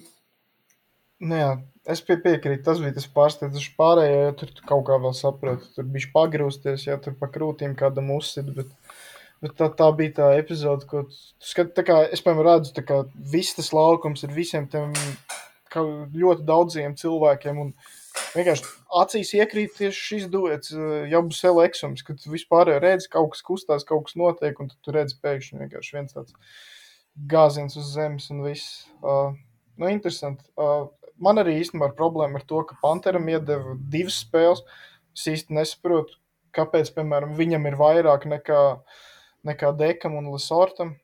Nu, Jā, es nu, viņš tur parunāja ar Jūļu, piedraudēju, bet uh, nu, es neredzēju neko tik fiziski, tik traku no viņa. Un, uh, es uzskatu, ka nu, nezinu, man nepatīk tas. Piemēram, tagad arī tā situācija, ka Partizanam, es nezinu, vai mainīsies noteikums, ja viņi uzvarēs trešo spēli. uh, Bet, um, nu, kā sanāk, ja Partizans uzvar tagad 3-0 sēriju, tad pusfinālā Panthers nevar spēlēt pret Barcelonu. Nu, Jā. tas Partizanam neder. Nu, un, nu, un es nedomāju, ka viņš izdarīja kaut ko tik traku, lai viņam būtu vairāk nekā Lesortam un Dekam. Tā kā es nezinu, es būtu par to, ka viņam viena spēle, varbūt Juļam viena spēle. Nu, Tā kā es piekrītu, ka visiem tiem, kam iedeva to vienu spēli, tā kā lai ir viss kārtībā, īstenībā man liekas, ka Džananam Musam jādod šotots par Lesortu to diskābeli, jo Lesorts viņu tur bija pavilka, tur aiz pleca, aiz kakla, un mūsu uzreiz nokrita apkulās.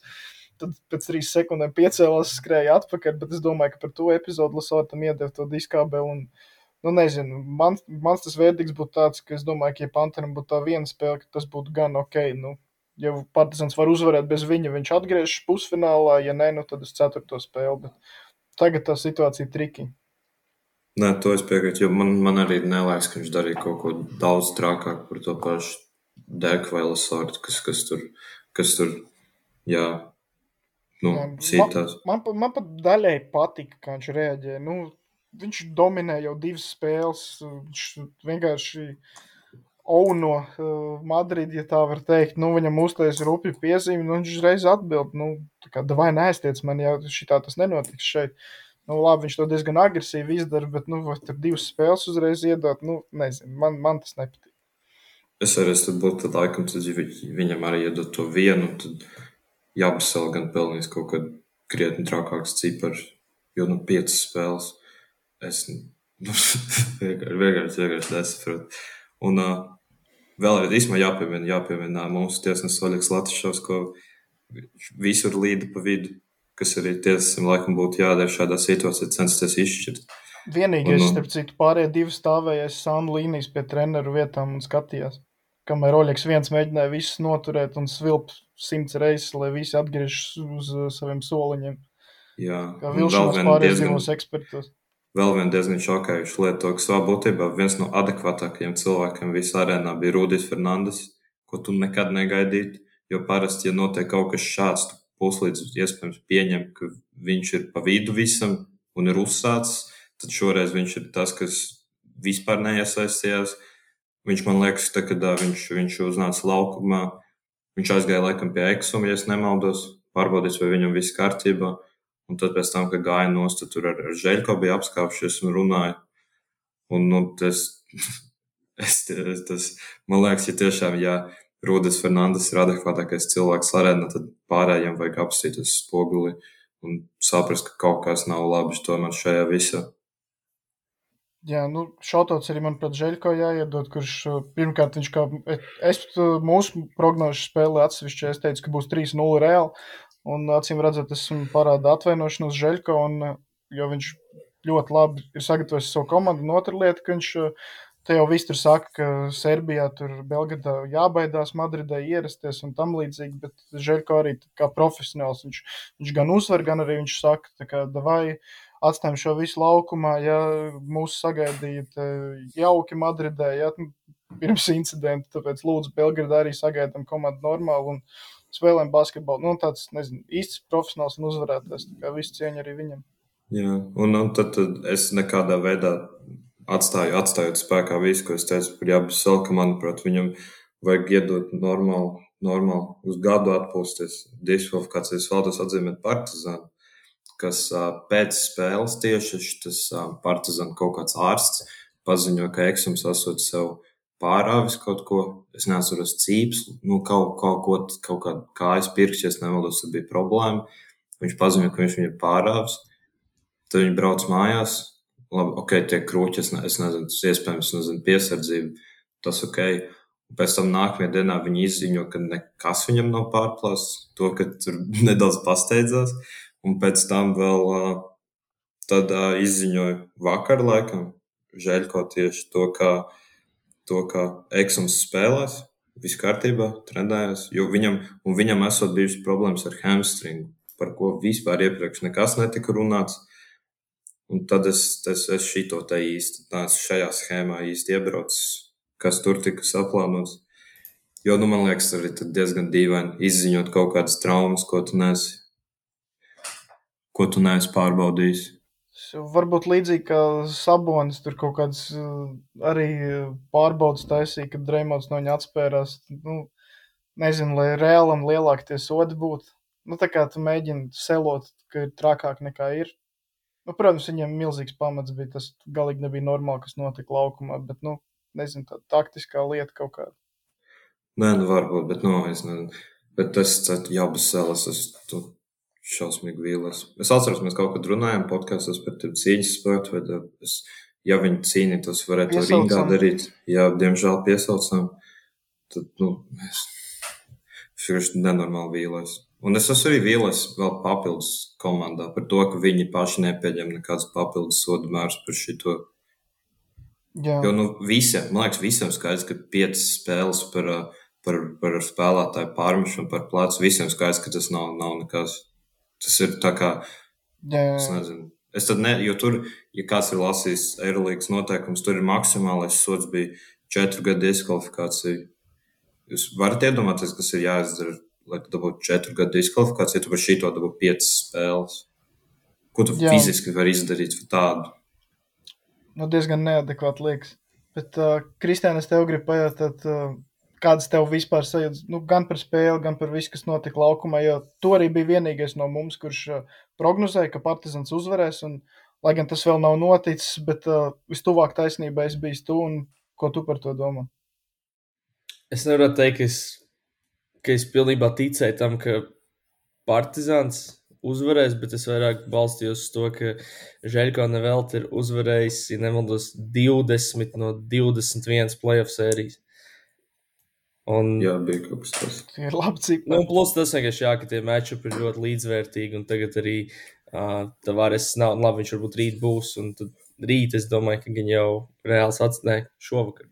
Šovakar. Šovakar. Šovakar, Jā, jā, jā. jā, jā. Kad šovakar viņi viens spēle dabūs atpakaļ, bet uh, sērijā es domāju, ka tur viss ir principā beidzies. Jā, Tavares, starp citu, var aizlidot Belgradu. Es redzēju, bija Tā, jūs lidmašīna. domājat, ka tagad trešajā spēlē Partizans bez saviem galvenajiem līderiem pabeigs Nē, sēriju? viņiem ir izdevīgi atdot šo Nu. spēli, ja tā var teikt. Jā, bet tur Bet tas tā kā- ir kā- Bet tad ceturtajā ir jāpabeidz. Tad Braukt uz Madridu 2-2. Nu, labi, Žēlko ir Žēlko, bet nu, tas nav labākais. Nē, es, es tikai godīgi es neredzu, kā var uh, pie tiem faniem un pie tās atmosfēras, kāda būs tagad. Es domāju, ka viņi būs vēl, es jau kaut piekto reizi teikšu šajā epizodē, uz steroīdiem. Jo Viņi, jā, vienīgais, vienīgā problēma var būt tāda, ka tas uh, Štārka arēnas kaut kāds vadītājs vai direktors, viņš teica, ka šī spēle būs zem mikroskopa, un ja kāds kaut ko uzmetīs laukumā, tad uh, viņš 45 minūšu laikā vienkārši izdzīs ārā. Un tad es esmu, Es esmu diezgan- es esmu diezgan drošs, ka tas notiks, jo tie serbi vispār tur, kas bija ar, gan ar Jabusels Wikipēdiju, gan ar viņa kaut kādiem Instagramiem un uh, sociālajiem tīkliem, nu tur serbi tiešām vārījās. Un plus, par ko, kāpēc vēl, manuprāt, Jabusel ir cīrvis pilnīgākais, jo visiem, es domāju, arī viņam pašam bija skaidrs, uh, ka viņš ir izdarījis kaut ko ļoti sliktu. Un viņam nācās, uh, viņam bija nepieciešams kaut kādas 16 stundas, lai viņš izplatītu divu ar pus teikumu paziņojumu Instagram. Jā, to es arī pilnībā tas tiešām ļoti nožēlojami. Kā Viņš jau pašredzēja, viņš bija kā, labi, es nezinu, vai viņš bija pārģērbies, jo tur redzēja kā, tikai viņa augšņu, kur viņi rādīja pēc konflikta beigām. Varbūt viņš bija vienkārši krēklu nomainījis. Bet, nu, es esmu diezgan drošs, ka viņš visticamāk neaizgāja tur uh, ļoti la- labi. Tā ir baigā spekulācija, bet es pieļauju, ka pēc kaut kā tāda nav super viegli aizmigt. Un es domāju, ka tu diezgan saulaicīgi varēji izplatīt paziņojumu, ka tu atvainojies un nožēlo visu savu rīcību. Un tur pat nav īsti jākonsultējas ne ar kādiem PR cilvēkiem, neko tam līdzīgu. Es, es gaidīju no viņa kaut ko daudz ātrāk, kaut ko tam līdzīgu. Un viņš, Jā, pilnībā piekrītu tev par šo. viņš ir nemaldos izplatīt to paziņojumu, apmēram tad, kad viņš uzzināja, cik liels tas sods būs. tā Nu, kā man liekas, dzirdēju, kaut- ka draudz ar četriem gadiem. Tad. Man liekas, kaut kad kaut kādu pusotru stundu pirms. Jūs Nu jā, bet es saku, man liekas- tas brauc no laukiem mājās, atceros laikus, tad, kad viss, viss notika.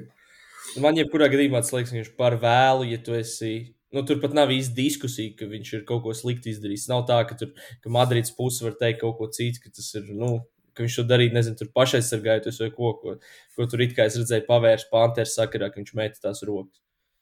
Nu, ka viņam it kā uzbruka, un viņš met rokas pretī, bet šeit vienkārši nu, tas, tas viss redzēja, kas notika. Nu, kā šīs kā visi diezgan neadekvāti, bet manuprāt, tiešām kā viss, kas pārējais notika, tas kā ir plus mīnus tas, kas vienmēr notiek tādās situācijās. Tāpēc, Es, no tādiem kautiņiem, laikam, vēl kaut kas ļoti neadekvāts bija, kad uh, Tons Makers Filipīniešiem mauca to kung fu Flying sitienu pa krūtīm. Jā, jā. Atceros. ielidoja. Nu, Šitie, šitie, tā. šitie divi tādi gadījumi. Citus es laikam. Ja es nemaldos, īstenībā Tons Mēkers dabūja 5 vai 6 spēles par to. Tad jau standarts. Jo tur es, zinām, es, es atceros, kaut kur redzēju tieši, es redzēju tieši šī kautiņa sakarā to, ka tur tika minēts tas kautiņš starp Austrāliju, un es nesaprotu, pret ko viņi tur spēlēja. Tur bija, Filipīnām. jā, un tur bija lielākā diskvalifikācija, bija 5 vai 6 spēles. Bet atkal 5 vai 6 spēles izlases sakarā tas ir krietni ilgāk. Tas ir taisnība. Jā. Jo, ja mēs īstenībā, ja mēs pieņemam, gads reāli, apmēram. Jā. Plus mīnus. ja mēs pieņemam teorijā, ka mēs neticam, un es arī to godīgi negribu vairs īsti redzēt, ja reāls uzvar šo sēriju, tad Jabusela var spēlēt nākamā sezonā jau no pirmās kārtas. Un tas ir vienkārši kosmos. vienkārši Nē, nu kaut- labi, ka viņš šo sezonu vairs nevar tur uz kaut kādu, piemēram, finālu vai tam līdzīgi. Nu, tas vismaz. Es domāju, ka viņi arī mērķiecīgi izdarīja, ka saprata, ka maksimāls spēļu skaits ir 5, un lai viņš šo sezonu ne, neatgrieztos Eirolandā, tad tāpēc arī uzliekam tos 5. Bet tas ir pilnīgi neadekvāti. Un arī brīvdienās Jā, jā. vienkārši redzēt, kā bija ļoti dīvaini vienkārši skatīties, kā viņš ir priecīgs, smaidīgs, izskrien laukumā un spēlē. Un tad, es domāju, tiem Saragos džekiem nebija bail no viņa. Man liekas, ka pret Saragos spēlē. Jā, Nē, tas, tas tiešām ļoti, ļoti bēdīgi. Bet par ar to pirmās spēles game kas winner es gribēju pateikt, ka tas arī bija pēc parunāt? Un uh, man bija deja vu sajūta. Man liekas, ka mēs esam. Pagaidām vēl par to pirmo pabeigts, tu Kristian, ko tu iesāc. Ah, Ok, kaut kas ilgoja. Uh, bija deja vu sajūta, ka uh, arī pēc timeouta un Panthers vienkārši met trojku. Viņi neko labāk īsti neuzzīmē, bet viņi dabūja to mismeču. Viņš vienkārši šoreiz Bet arī, izlaiž. jā, bet tas tā kā, es Norbats pirms tam teica, ka tas mīsmačs ir diezgan nosacīts. Tā kā tehniski ir praktiski tā kā ne īsti. Jo tur arī, es teiktu, bija, tā kā, bija laba aizsardzība. Tur tā kā ļoti minimāli, ko vairāk var izdarīt aizsardzībā. Tur ir šī tāds panthers metod, nu, nu, neko darīt. Labs uzbrukums vienmēr ir labāks par labu aizsardzību. Tas vienkārši tā, tas, tas standarts. Nu, no tiem, kas laukumā tobrīd bija, nu, tas bija viens no labākajiem variantiem. Jā, Nē, nu, ja tu gribi viens pret viens spēlēt, tad gan jau, ka jā, vienkārši tas, ka nu, Jabusēlē nav pats lēnākais džeks. Bet, nu, iemet, iemet, malāts, visu cieņu. Tāpēc arī ir, ka tā sērija pavērsusies tā, kā tā ir pavērsusies. Jā. Un es īstenībā domāju, ka tas ir to, ka tās diskvalifikācijas, viņai deva relatīvi maz. Tāpēc tas visiem skaidrs, ka, ja, piemēram, visiem galvenajiem, galvenajiem uh, bokseriem iedot liels diskvalifikācijas, tas, tas ir reāli uzreiz pa labu. Un tas nav īsti adekvāti atalgot komandu par to, ka, nezinu, to, ka viņi uzsāk kaut ko šī tādu un atalgot viņus ar uh, kaut kādā veidā sezonas, sezonas kā griezumā. Bet Jā. šis jābūt vēl piecas spēles. Es, es, vēl joprojām nesaprotu, kā, kā par to piecas spēles. Arī Šādi tagad- sadurt kādu laukumā, viņam iedod gan jau septiņas maksimums. Kosmos pilnīgs. Nu, arī tagad es domāju, ka reālam ir priekšrocība no šīm diskvalifikācijām, ņemot vērā, ka viņiem tas sastāvs, es teiktu, ir dziļāks. Piemēram, manuprāt, ja reālam ir 12 labi spēlētāji un partizanam, piemēram, 8 labi spēlētāji, tad uh, bija 12 pret 8, tagad ir, piemēram, 9 pret 5 jāspēlē, jā, jo, piemēram, katrā komandā tur 3 ārā plus mīnus, un nu, reālam tas nāk pa labu. Diemžēl, jā. Nu, Kāds, diemžēl, tu tāpat gribēji sēriju beigās. Nē, nē, nē es, es godīgi, es godīgi, es tā kā, es negribu, lai viņš šitā uzvar. Ja mēs tā pavisam godīgi Nu, bet, ja, ja viņi tagad paņem, piemēram, trīs spēles reāli sportiski, jau- viņi paņems, bet tas vairs nav sportiski īsti, jo tā kā viņi izties otrajā spēlē, es esmu diezgan drošs, ka viņi trešajā spēlē pilnos sastāvos zaudēt tāpat. Tas Nē, nu, gan tas, jau, gan jau. tas, tas, tas- šitas, šitas to faktors. jā, un šitas to visu jau padara nesportiski. Tāpēc, tāpēc es uzskatu, ka viņi sportiski, ja viņi uzvar, tas vairs nav sportiski īsti. Ja mēs pieņemam to, ka, ka Partizāns iet tālāk, tad es tomēr gribētu, lai viņi iet tālāk četrās spēlēs. Jā, pilnībā. Jo tas vienkārši būtu, vai arī tad ir tiešām jāatceļ tā, tā pantera diskvalifikācija. Jo tas būtu negodīgs advantage tai komandai. Barcelonai. Var, jā, Vai Nu- žēl, nevar zināt. labi, mēs vēl tiksim līdz tai sērijai, bet diemžēl tur izskatās katastrofāli. Es uh, varu uzreiz varbūt iesākt, es nezinu, jūs gribat par šo vai par kādu citu. Nē, nevar sākt viņu. Jo man viena tāda galvenā atklāsme no manis ir uh, tāda, ka, uh, kā lai labāk vārdos ieterpju, visu cieņu, protams, uh, Davidam Giedraitam, bet, ja viņam ir jāspēlē playoff minūtes, es nezinu, uz ko tu vari cerēt. Jūs paši atceraties, kas notika Atēnās, uh, kad Jā. viņš spēlēja pret nelielu spiedienu. Viņš nav slikts spēlētājs, viņš bija ACB sistēmā, viņš ir spēlējis ACB, bet vienkārši viņš nav Eirolandes playoff līmenis. Ok, varbūt ir uh, nomi- nedaudz vieglāk viņam spēlēt, jo viņš spēlē pret principā savu čomu. Bet tas čoms ir uh, nu, bijis cits līmenis šobrīd. Jā, tas čoms Nu, arī divi- labi spēlē. Jā, jā, jā. un tu- Tas man likās interesanti, ka Šārs samērā daudz izmanto šajā sērijā, piemēram, Jokubaitu. Man liekas, es neesmu skatījies statistiku, bet viņam varētu būt vairāk minūtes nekā vidēji sezonā. Gan jau. Okubetim. Jā, Um, Nu, gan jau. Domāju, viņam- jo- jo tīri pēc- sniegumu arī iet. Jo tīri pēc sajūtām, tiešām man liekas, ka viņš izmanto apmēram tos džekus, kas vienkārši žēl ir labi zina. Jā.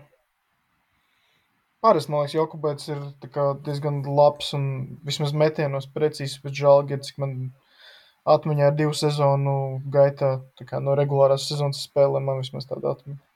Nu, viņam minimāli lielāks minūtes tagad ir. Viņam bija Ah, ah, ok. regulārajā vidē 14,5, tagad divās spēlēs 17 vidēji. Bet nu šajā sērijā piekritīsim, ka bez pārsteigumiem pagaidām viss noris vai bija kaut kādas citas expectācijas. Nu, baigi gribējās uh, otrajā spēlē pēc trešās ceturtās, kad bija neizšķirts, lai Žalgiris tomēr nolauž, bet tur, uh, tur īstenībā arī, man liekas, uh, rolas bija beigās, diemžēl, starp vaininiekiem, kur viņiem bija, man liekas, pie mīnus trīs uzbrukums, tad viņš pazaudēja bumbu. Nā, jā. Viņa aizgāja ielikt plus 5, un cik tur vēl bija kaut kāda pusotra minūte. Nu, tur maz laiks bija palicis. Un vēl ko es īsti nesaprotu, kāpēc. Uh, ok, viņš it kā iemet pāris metienus, bet vai tiešām Igants Brāzdeids ir tas, kurš tev ir labākais metējs komandā, jo tur bija uh, viens minūtes pārtraukums, pēc kura uh, arī, man liekas, pēdējā minūte, kur viņi vēl varēja atnākt atpakaļ spēlē, bija laikam pie mīnus 5.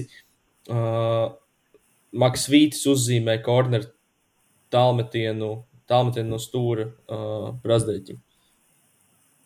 Tā it kā ir opcija, ko, ko visticamāk Šārs negaidīja. Es nezinu, kāpēc, lai tu uzticētu tik svarīgu metienu Brāzdeiķim, bet uh, jā, es nezinu. Kā jums Nē, nu viņš viens norisināja. Es vienkārši domāju, Nu, noteikti viņa jau galvenais risinājums ir, piemēram, Dīmšu vai Lānos vai Rols. Jo es domāju, ka viņi visi trīs nu, labāk teiktu, viņi visi diezgan līdzvērtīgi ir. Rols šosezonu met pie 40%, man liekas. Ja Jā. es ne, nemaldos. Nu, šajā sērijā gan viņam ir diezgan pašvāk, bet uh, tas arī ir. Es teiktu, ka saprotam, kāpēc. Un, manuprāt, arī tas nekādā veidā neietekmēs viņa stoku. Jā, nu, es piekrītu. Tāpat, nu, nav jau arī tā, ka viņš tur pa nulēm paliek. Jā, viņš tāpat tur kaut kāds astoņus punktus vai cik met. Un... Nu, pirmajā bija divi, man liekas. Ah, nu jā, pirmā bija tāda šokāka. Jā, otrajā viņš tur normāli, laikam, ceturtā ceļā divus tālos iemet. Jā, bet es saku, līdz tam viss nebija. Viss Jā, bija jā, jā. diezgan, diezgan pašvāk. Nē, nu, ir, ir grūtāk, protams, nekā regulārā sezonā, bet, nu, es domāju, tas tiešām tā, tas viņa akcijas, nu, nemainās tāpat. Mēs, gan mēs, gan visa Eiropa zinām tās viņa kvalitātes. Nē, nu viens ir tas, kas zina, bet otrs arī tas, ka tomēr uh, viņam šis ir nu, pats neprocīgākais pretinieks. Tieši viņam, kur pilnīgi viss uh, sastāvs, varbūt izņemot veselību, viņu pazīst nenormāli labi un ir pavadījis vairākus gadus ar viņu kopā. Jā, nu, un arī Barcelona. Treneris, jā. Liela fiziska komanda. Ah, nu jā, treneris jau zina visas viņa lietiņas, jā. trikus. Būs četras spēles. Es domāju, ka nē, bet es ļoti ceru. Bet es, Es domāju, ka Bārs pabeigs trīs. Tā kā tas tā, bet nu, tāpat nu, jānovērtē mums vienkārši to, ka Žalgiris tur ir un ka mēs varam uz viņiem skatīties. Un lietuvieši arī noteikti priecīgi, ka vismaz viena plēvu spēle viņiem būs. Nu, pēc tam vēl četras, bet tās visticamāk bez Žalgira dalības. Kā ar citām sērijām. Man, ja godīgi, ļoti pārsteidz Olimpijas. Viens viens abās. Jā. Jā, Nu, Monako, uh, Makabī, laikam pēc pirmās Monako katastrofas no tālās distances, man liekas, rezultāts loģisks ir. jā piekrīt. Tā ir. Jā. Nu, tīri arī tas, kā uh, tā teikt, rehabilitējās par pirmo slikto spēli ar otro labo, bet man, es nezinu, pa ko jūs gribat vairāk Olimpijākus Fener vai Monako Makabī. Tā ir par abām mazliet jautājums. Mēs īstenībā varētu par sākumu maču par to kā bija. Jo viena lieta, kas man šokēja, nu, es nezinu, tā šokēja, pārsteidz pirmajā spēlē. Es negaidīju, ka tur būs tā kā tik ļoti viņa, tik labi viņa spēlēs aizsardzībā. Par to es biju tā kā diezgan pārsteigts. Makabi? Abi divi īstenībā kopumā. Jā, Tur bija pietiekami, pietiekami fiziski labs aizsardzības basketbols. Un, un arī viņi arī, ko, kas pat vēl liek, ka tās ir pirmajās spēlēs, mums viņi nereāli daudz tēloja. Abas divas komandas ļoti, ļoti, ļoti tā kā, tā kā mūsu visi ļoti, ļoti izteiksmīgi rādīja noteikumu pārkāpumus. jā. Nu, katrā cīņā pa bumbām kāds nebija apmierināts, kāds gribēja pret sevi sodu. Man tās lietas, kas iekrita acīs, ka līdzīgi kā daudzas komandas regulārajā sezonā dara, joprojām komandas pret Monako izvēlas, kad Maiks Džeims sāk driblēt uh, ISO, tā kā iet divatā un atdot metienu kādam citam. Piemēram, ir interesanti skatīties, ka Makabī dāvina Okobo catch and shoot metiens, piemēram, no stūra. Bet tas nebija visu laiku. Nu, ne, ne visu laiku, jā, bet Jā.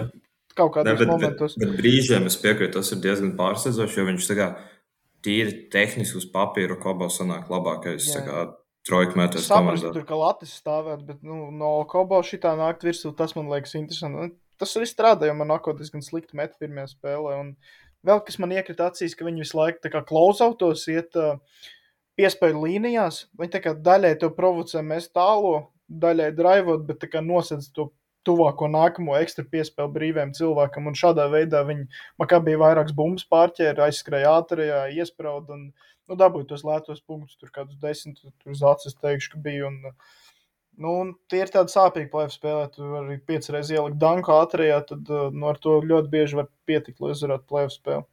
Bet uh, tieši tāpēc par tiem uh, metieniem Kobo, uh, ok, viņš ir tikai viens no uh, komandas metējiem, bet tāpēc es negribētu Valtam varbūt piekrist par to, ka tur bija kaut kāda izcila aizsardzība, jo Monako zaudēja pirmo spēli tikai pa 12, metot uh, tā, kā iespējams Monako futbolists spērtu ar kāju grozā. Nē, nē, es, pēc, es nedomāju, pēc ka trīs ceturdaļām viņi bija uzmetuši 1,19 vai 1,20. Tur bija tā precizitāte bija katastrofāla. Tur bija tiešām vairums no tiem metieniem, bija samērā brīvi. Tur nebija, uh, nebija nekas uh, tik, tik ļoti sarežģīts. Un arī vienkārši to arī laikam Maiks un. Uh, Sapratu, Maiks un Kobo šobrīd kopumā ir uzmetuši no distances 5,26 šajā sērijā. Divi tā. Jā. Es, gan, es piekrītu tikai jums abiem. Uh, tos metienus diezgan brīvs Monako dabūja, bet uh, pārsteigums bija tas, ka, uh, kā, ka spiediens tika liels izdarīts un cik fiziski kā, tev bija jāstrādā, piemēram, lai saņemtu bumbu. Ja tu, nezinu, Džons Browns grib noķert bumbu viņam, lai vispār atbrīvotos, ir jāizdara liels darbs, jo ir tāds liels spiediens no Makabi un no šīm abām komandām. Tas bija abos virzienos. Es nebiju tik daudz redzējis, ka viņi tiešām izdara agresīvu spiedienu uh, uz bumbu, uz saņemšanu. Un, uh, nu, tādā ziņā, ka spēlē fiziski labu aizsardzību. Vēlāk jau to metienu ar dubultīmiem un visādām rotācijām tos viņas atrada. Bet, nu, fizi gan fizisks mačs priekš šīm komandām. A, kas tur bija otrajā spēlē ar tām uh, sešām tehniskajām? Tur nebija neviena diskvalifikācija, visi būs pieejami šovakar. Jā, man liekas, ka tur vienkārši tur, ja es nemaldos, uh, tur izmet ārā Hiljardu un uh, Baldvin. Baldvinu. Jā. Bet bija sešas tur- kopā tehniskās. Vēl kaut ko meta, ne? Tā. Vai pa vienai? Es, ne, es, ne, es neatceros, vai mēta kādu vēl šita, šitos divus. Es noteikti atceros, ka izmet, bet es, es, es varbūt biju. Man liekas, ka viņiem arī bija, ā, man nākā bija problēmas ar Makabī faniem, ja es nemaldos. Ka tur viņi kaut ko tur meta, nemeta. Es neatceros, bet ā, es atceros, ka tur bija kaut kādas problēmas arī ar tiem faniem. Nu, šonadēļ būs vēl lielāks problēmas, jo viņi būs uh, trīsreiz vairāk. Nē, nu, tieši Makabī fani būs vairāk nekā trīs reizes vairāk, bet uh, arēnā būs trīsreiz vairāk cilvēku. Jā, ne, es domāju, tur būs arī diezgan, diezgan trāka atmosfēra. Jo kā bija arī, nav viņa pagājušajā gadā tehniski bija plēfos, bet viņi principā, kad jau viņi tika līdz Televīvai, tur 0-2. Visi, bija. nu, jā, tur viss jau bija praktiski izšķirts principā līdz tam momentam. Un tagad, kad komanda arī cīnās reāli par uh, Final Four, es domāju, tur būs, tur būs ļoti labi. Jo arī regulārajā sezonā viņi bija lieliski fani tur, uh, tur Televīvā. La, jā, labākā komanda mājās.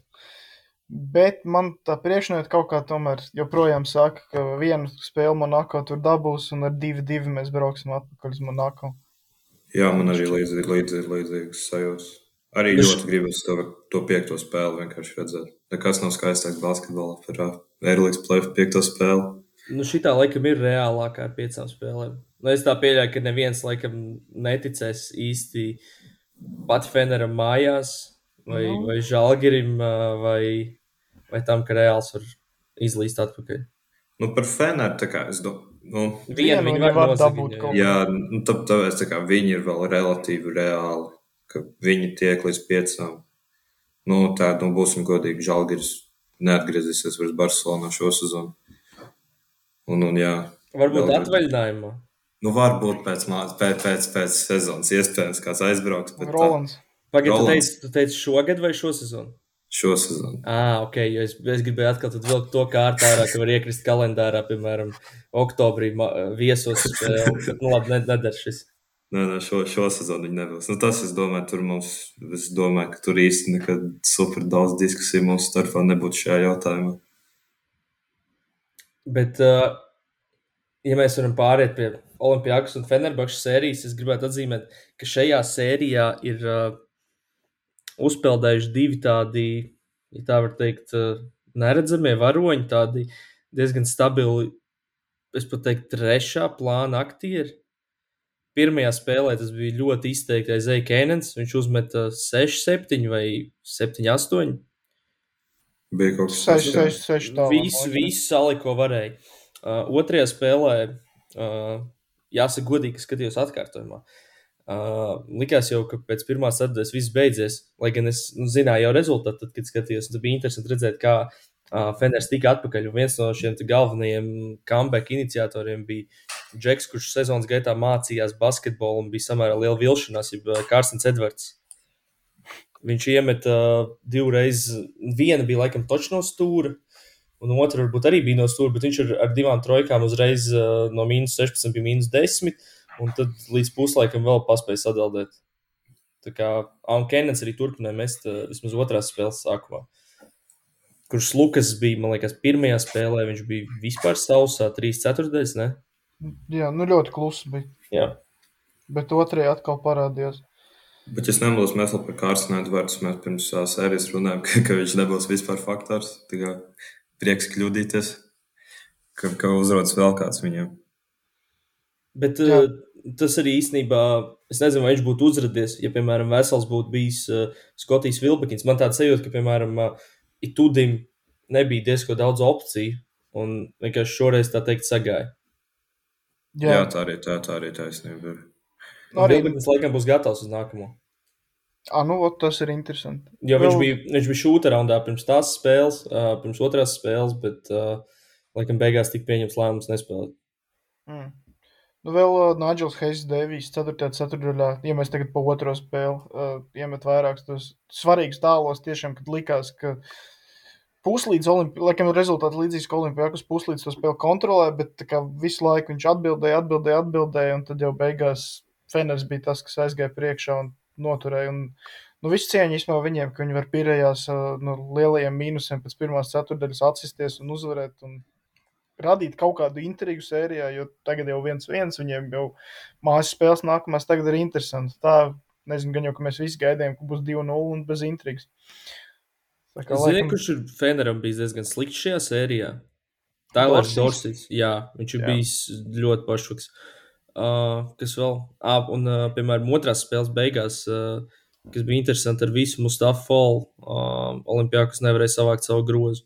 Un uh, Feners tā dabūja, ja nemaldos, kaut kāds trīs uzbrukuma bumbas pēc kārtas, un ar trešo reizi arī ielika. Tas bija tāds, varbūt ne gluži pats lūzuma punkts, jo tur bija galīgais lūzums bija beigās, kad Dorsijs aizskrēja tik pie diviem no saviem astoņiem sērijas punktiem, uh, līdzinājās sērijas punktiem, uh, pilnīgi fāzbreakā.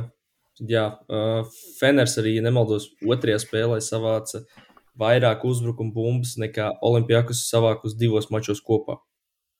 Jā, tas ir krīt acīs, ka visu laiku dabūtu tos otrās iespējas. Bet par atgriežoties pie Dorsija, arī kas interesanti, Dorsijas pagājušā sezonā spēlēja Olimpijākus un bija viens no uh, atslēgas spēlētājiem. Viņam ir sērija pret savu veco komandu, un uh, šis viņa aizvietotājs viņa pozīcijā Zēja Kenens, kas uh, nu, regulārā sezonā nebija ne tuvu tik labs kā pagājušā sezona Olimpijākas sastāvā Dorsijas. uh, Tā kā tika teikts, ka šis ir downgrades no Dorsijas Kenena, tad uh, Tagad savstarpēji mačupā pirmajā spēlē Kenans uguņo 18 acis un Dorsijas sausā. Tā, kā, tā arī bija tā interesants rakstīns, ko es tur palasīju, ka tā kā NBA tur veido kaut kādus stāstus, ja tur Brooks pret Lebronu un tam līdzīgi. Labi, es, protams, jokoju, bet uh, tad šeit bija tas tā kā Kenans Dorsijas matchups. Bet vai tev neliekas, ka tas varētu būt drusku arī uh, līdzīgi kā, kā ir ar roli? Mazliet, jā, jā, jā, sanāk pret veco komandu spēlēt. Un, Tur jau vēl ir te jau vēl faktors, ka Dorsijas pievienojās, ja nemaldos, tikai martā komandai. jā, šis arī īstenībā būtu salīdzināms, ja kā Rolands Šmita aizstāvis Barcelonā kā pārspēt, tā kā Jauskars da Silva iemest 18 un Šmits palikt uz nulles, tad tas būtu, nu tā ir tā kā situācija, kā es salīdzinātu šo, bet Rolam jau jācīnās pret uh, Mirotiču, kas uh, nu, visu laiku bija viņam priekšā. Jā, tādā taisnība. Bet nu, jūs joprojām esat pārliecināti, ka Olimpijākus vinnēs šo sēriju? Nu, vairs ne tik pārliecināts, bet tāpat man liekas, ka viņi kaut kā noslēgs. Uh, bet uh, vēl viena lieta, kas man negatīvi nedaudz pārsteidz, ir tas, ka miera un draudzības arēna bija krietni mierīgāka un draudzīgāka.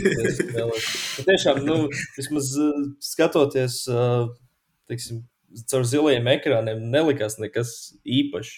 Es domāju, ka Starka arēna šovakar būs īpaša. Jā, man liekas, ka miera un draudzības arēna kopumā, kopumā ir ļoti overrated Eiropas basketbolā. Nu, Pagājušajā gadā bija ļoti jaudīgi. Jā, bet, bet, tas, bet tas ir, tas ir pagājušajā gadā tā, tā, tā viena spēle, vairāk vai mazāk.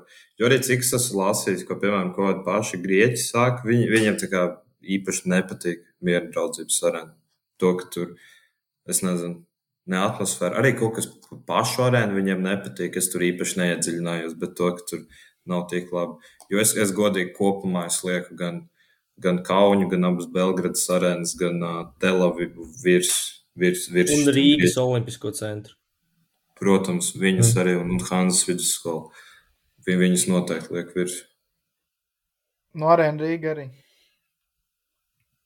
Bet, nu jā, ne tik jaudīgi kā Hanzas vidusskola.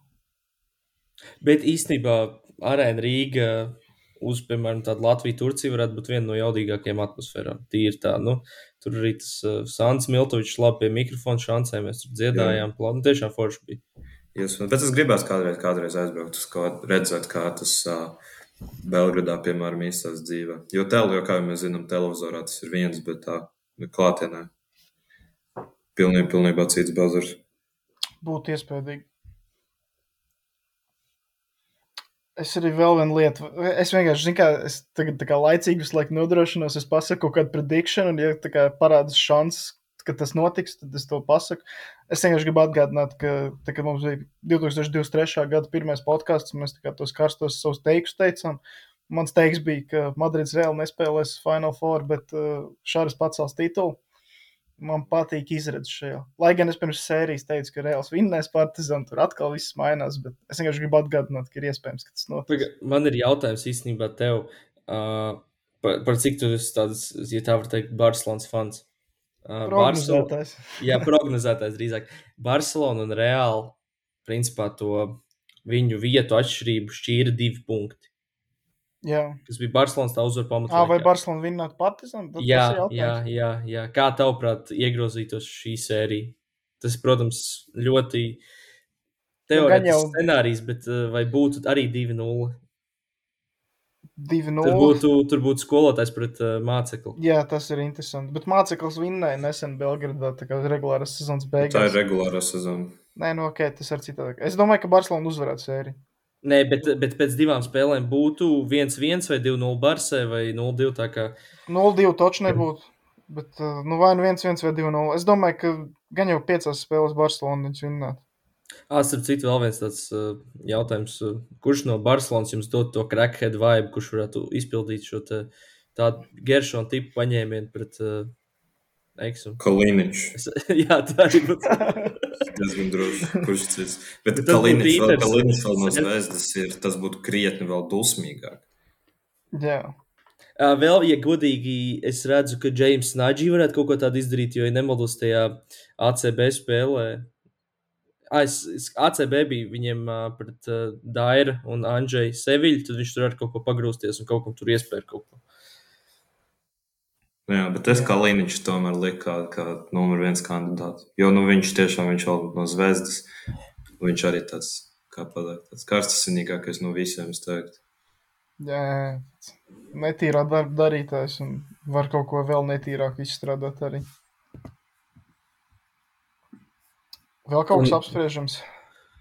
Domāju, ka nē, mums izskatās, ka limits jau drīz sāks spiest.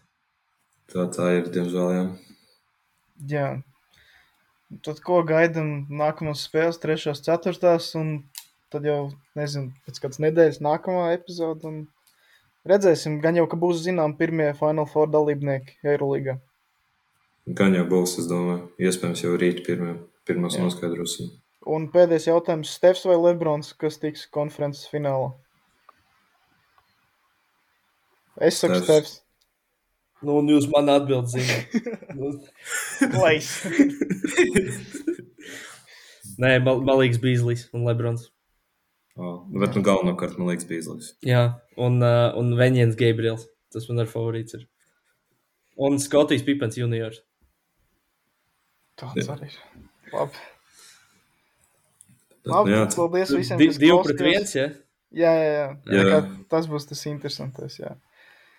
Tā kā jā, paldies visiem, kas klausījās. Skatāmies Eirolīgu, NBA un uh, drīz arī būs Eirovīzija. Tā kā Jo Eirovīzija nākamā nedēļa, Un tad mēs par šito taisam kaut kādu speciālu.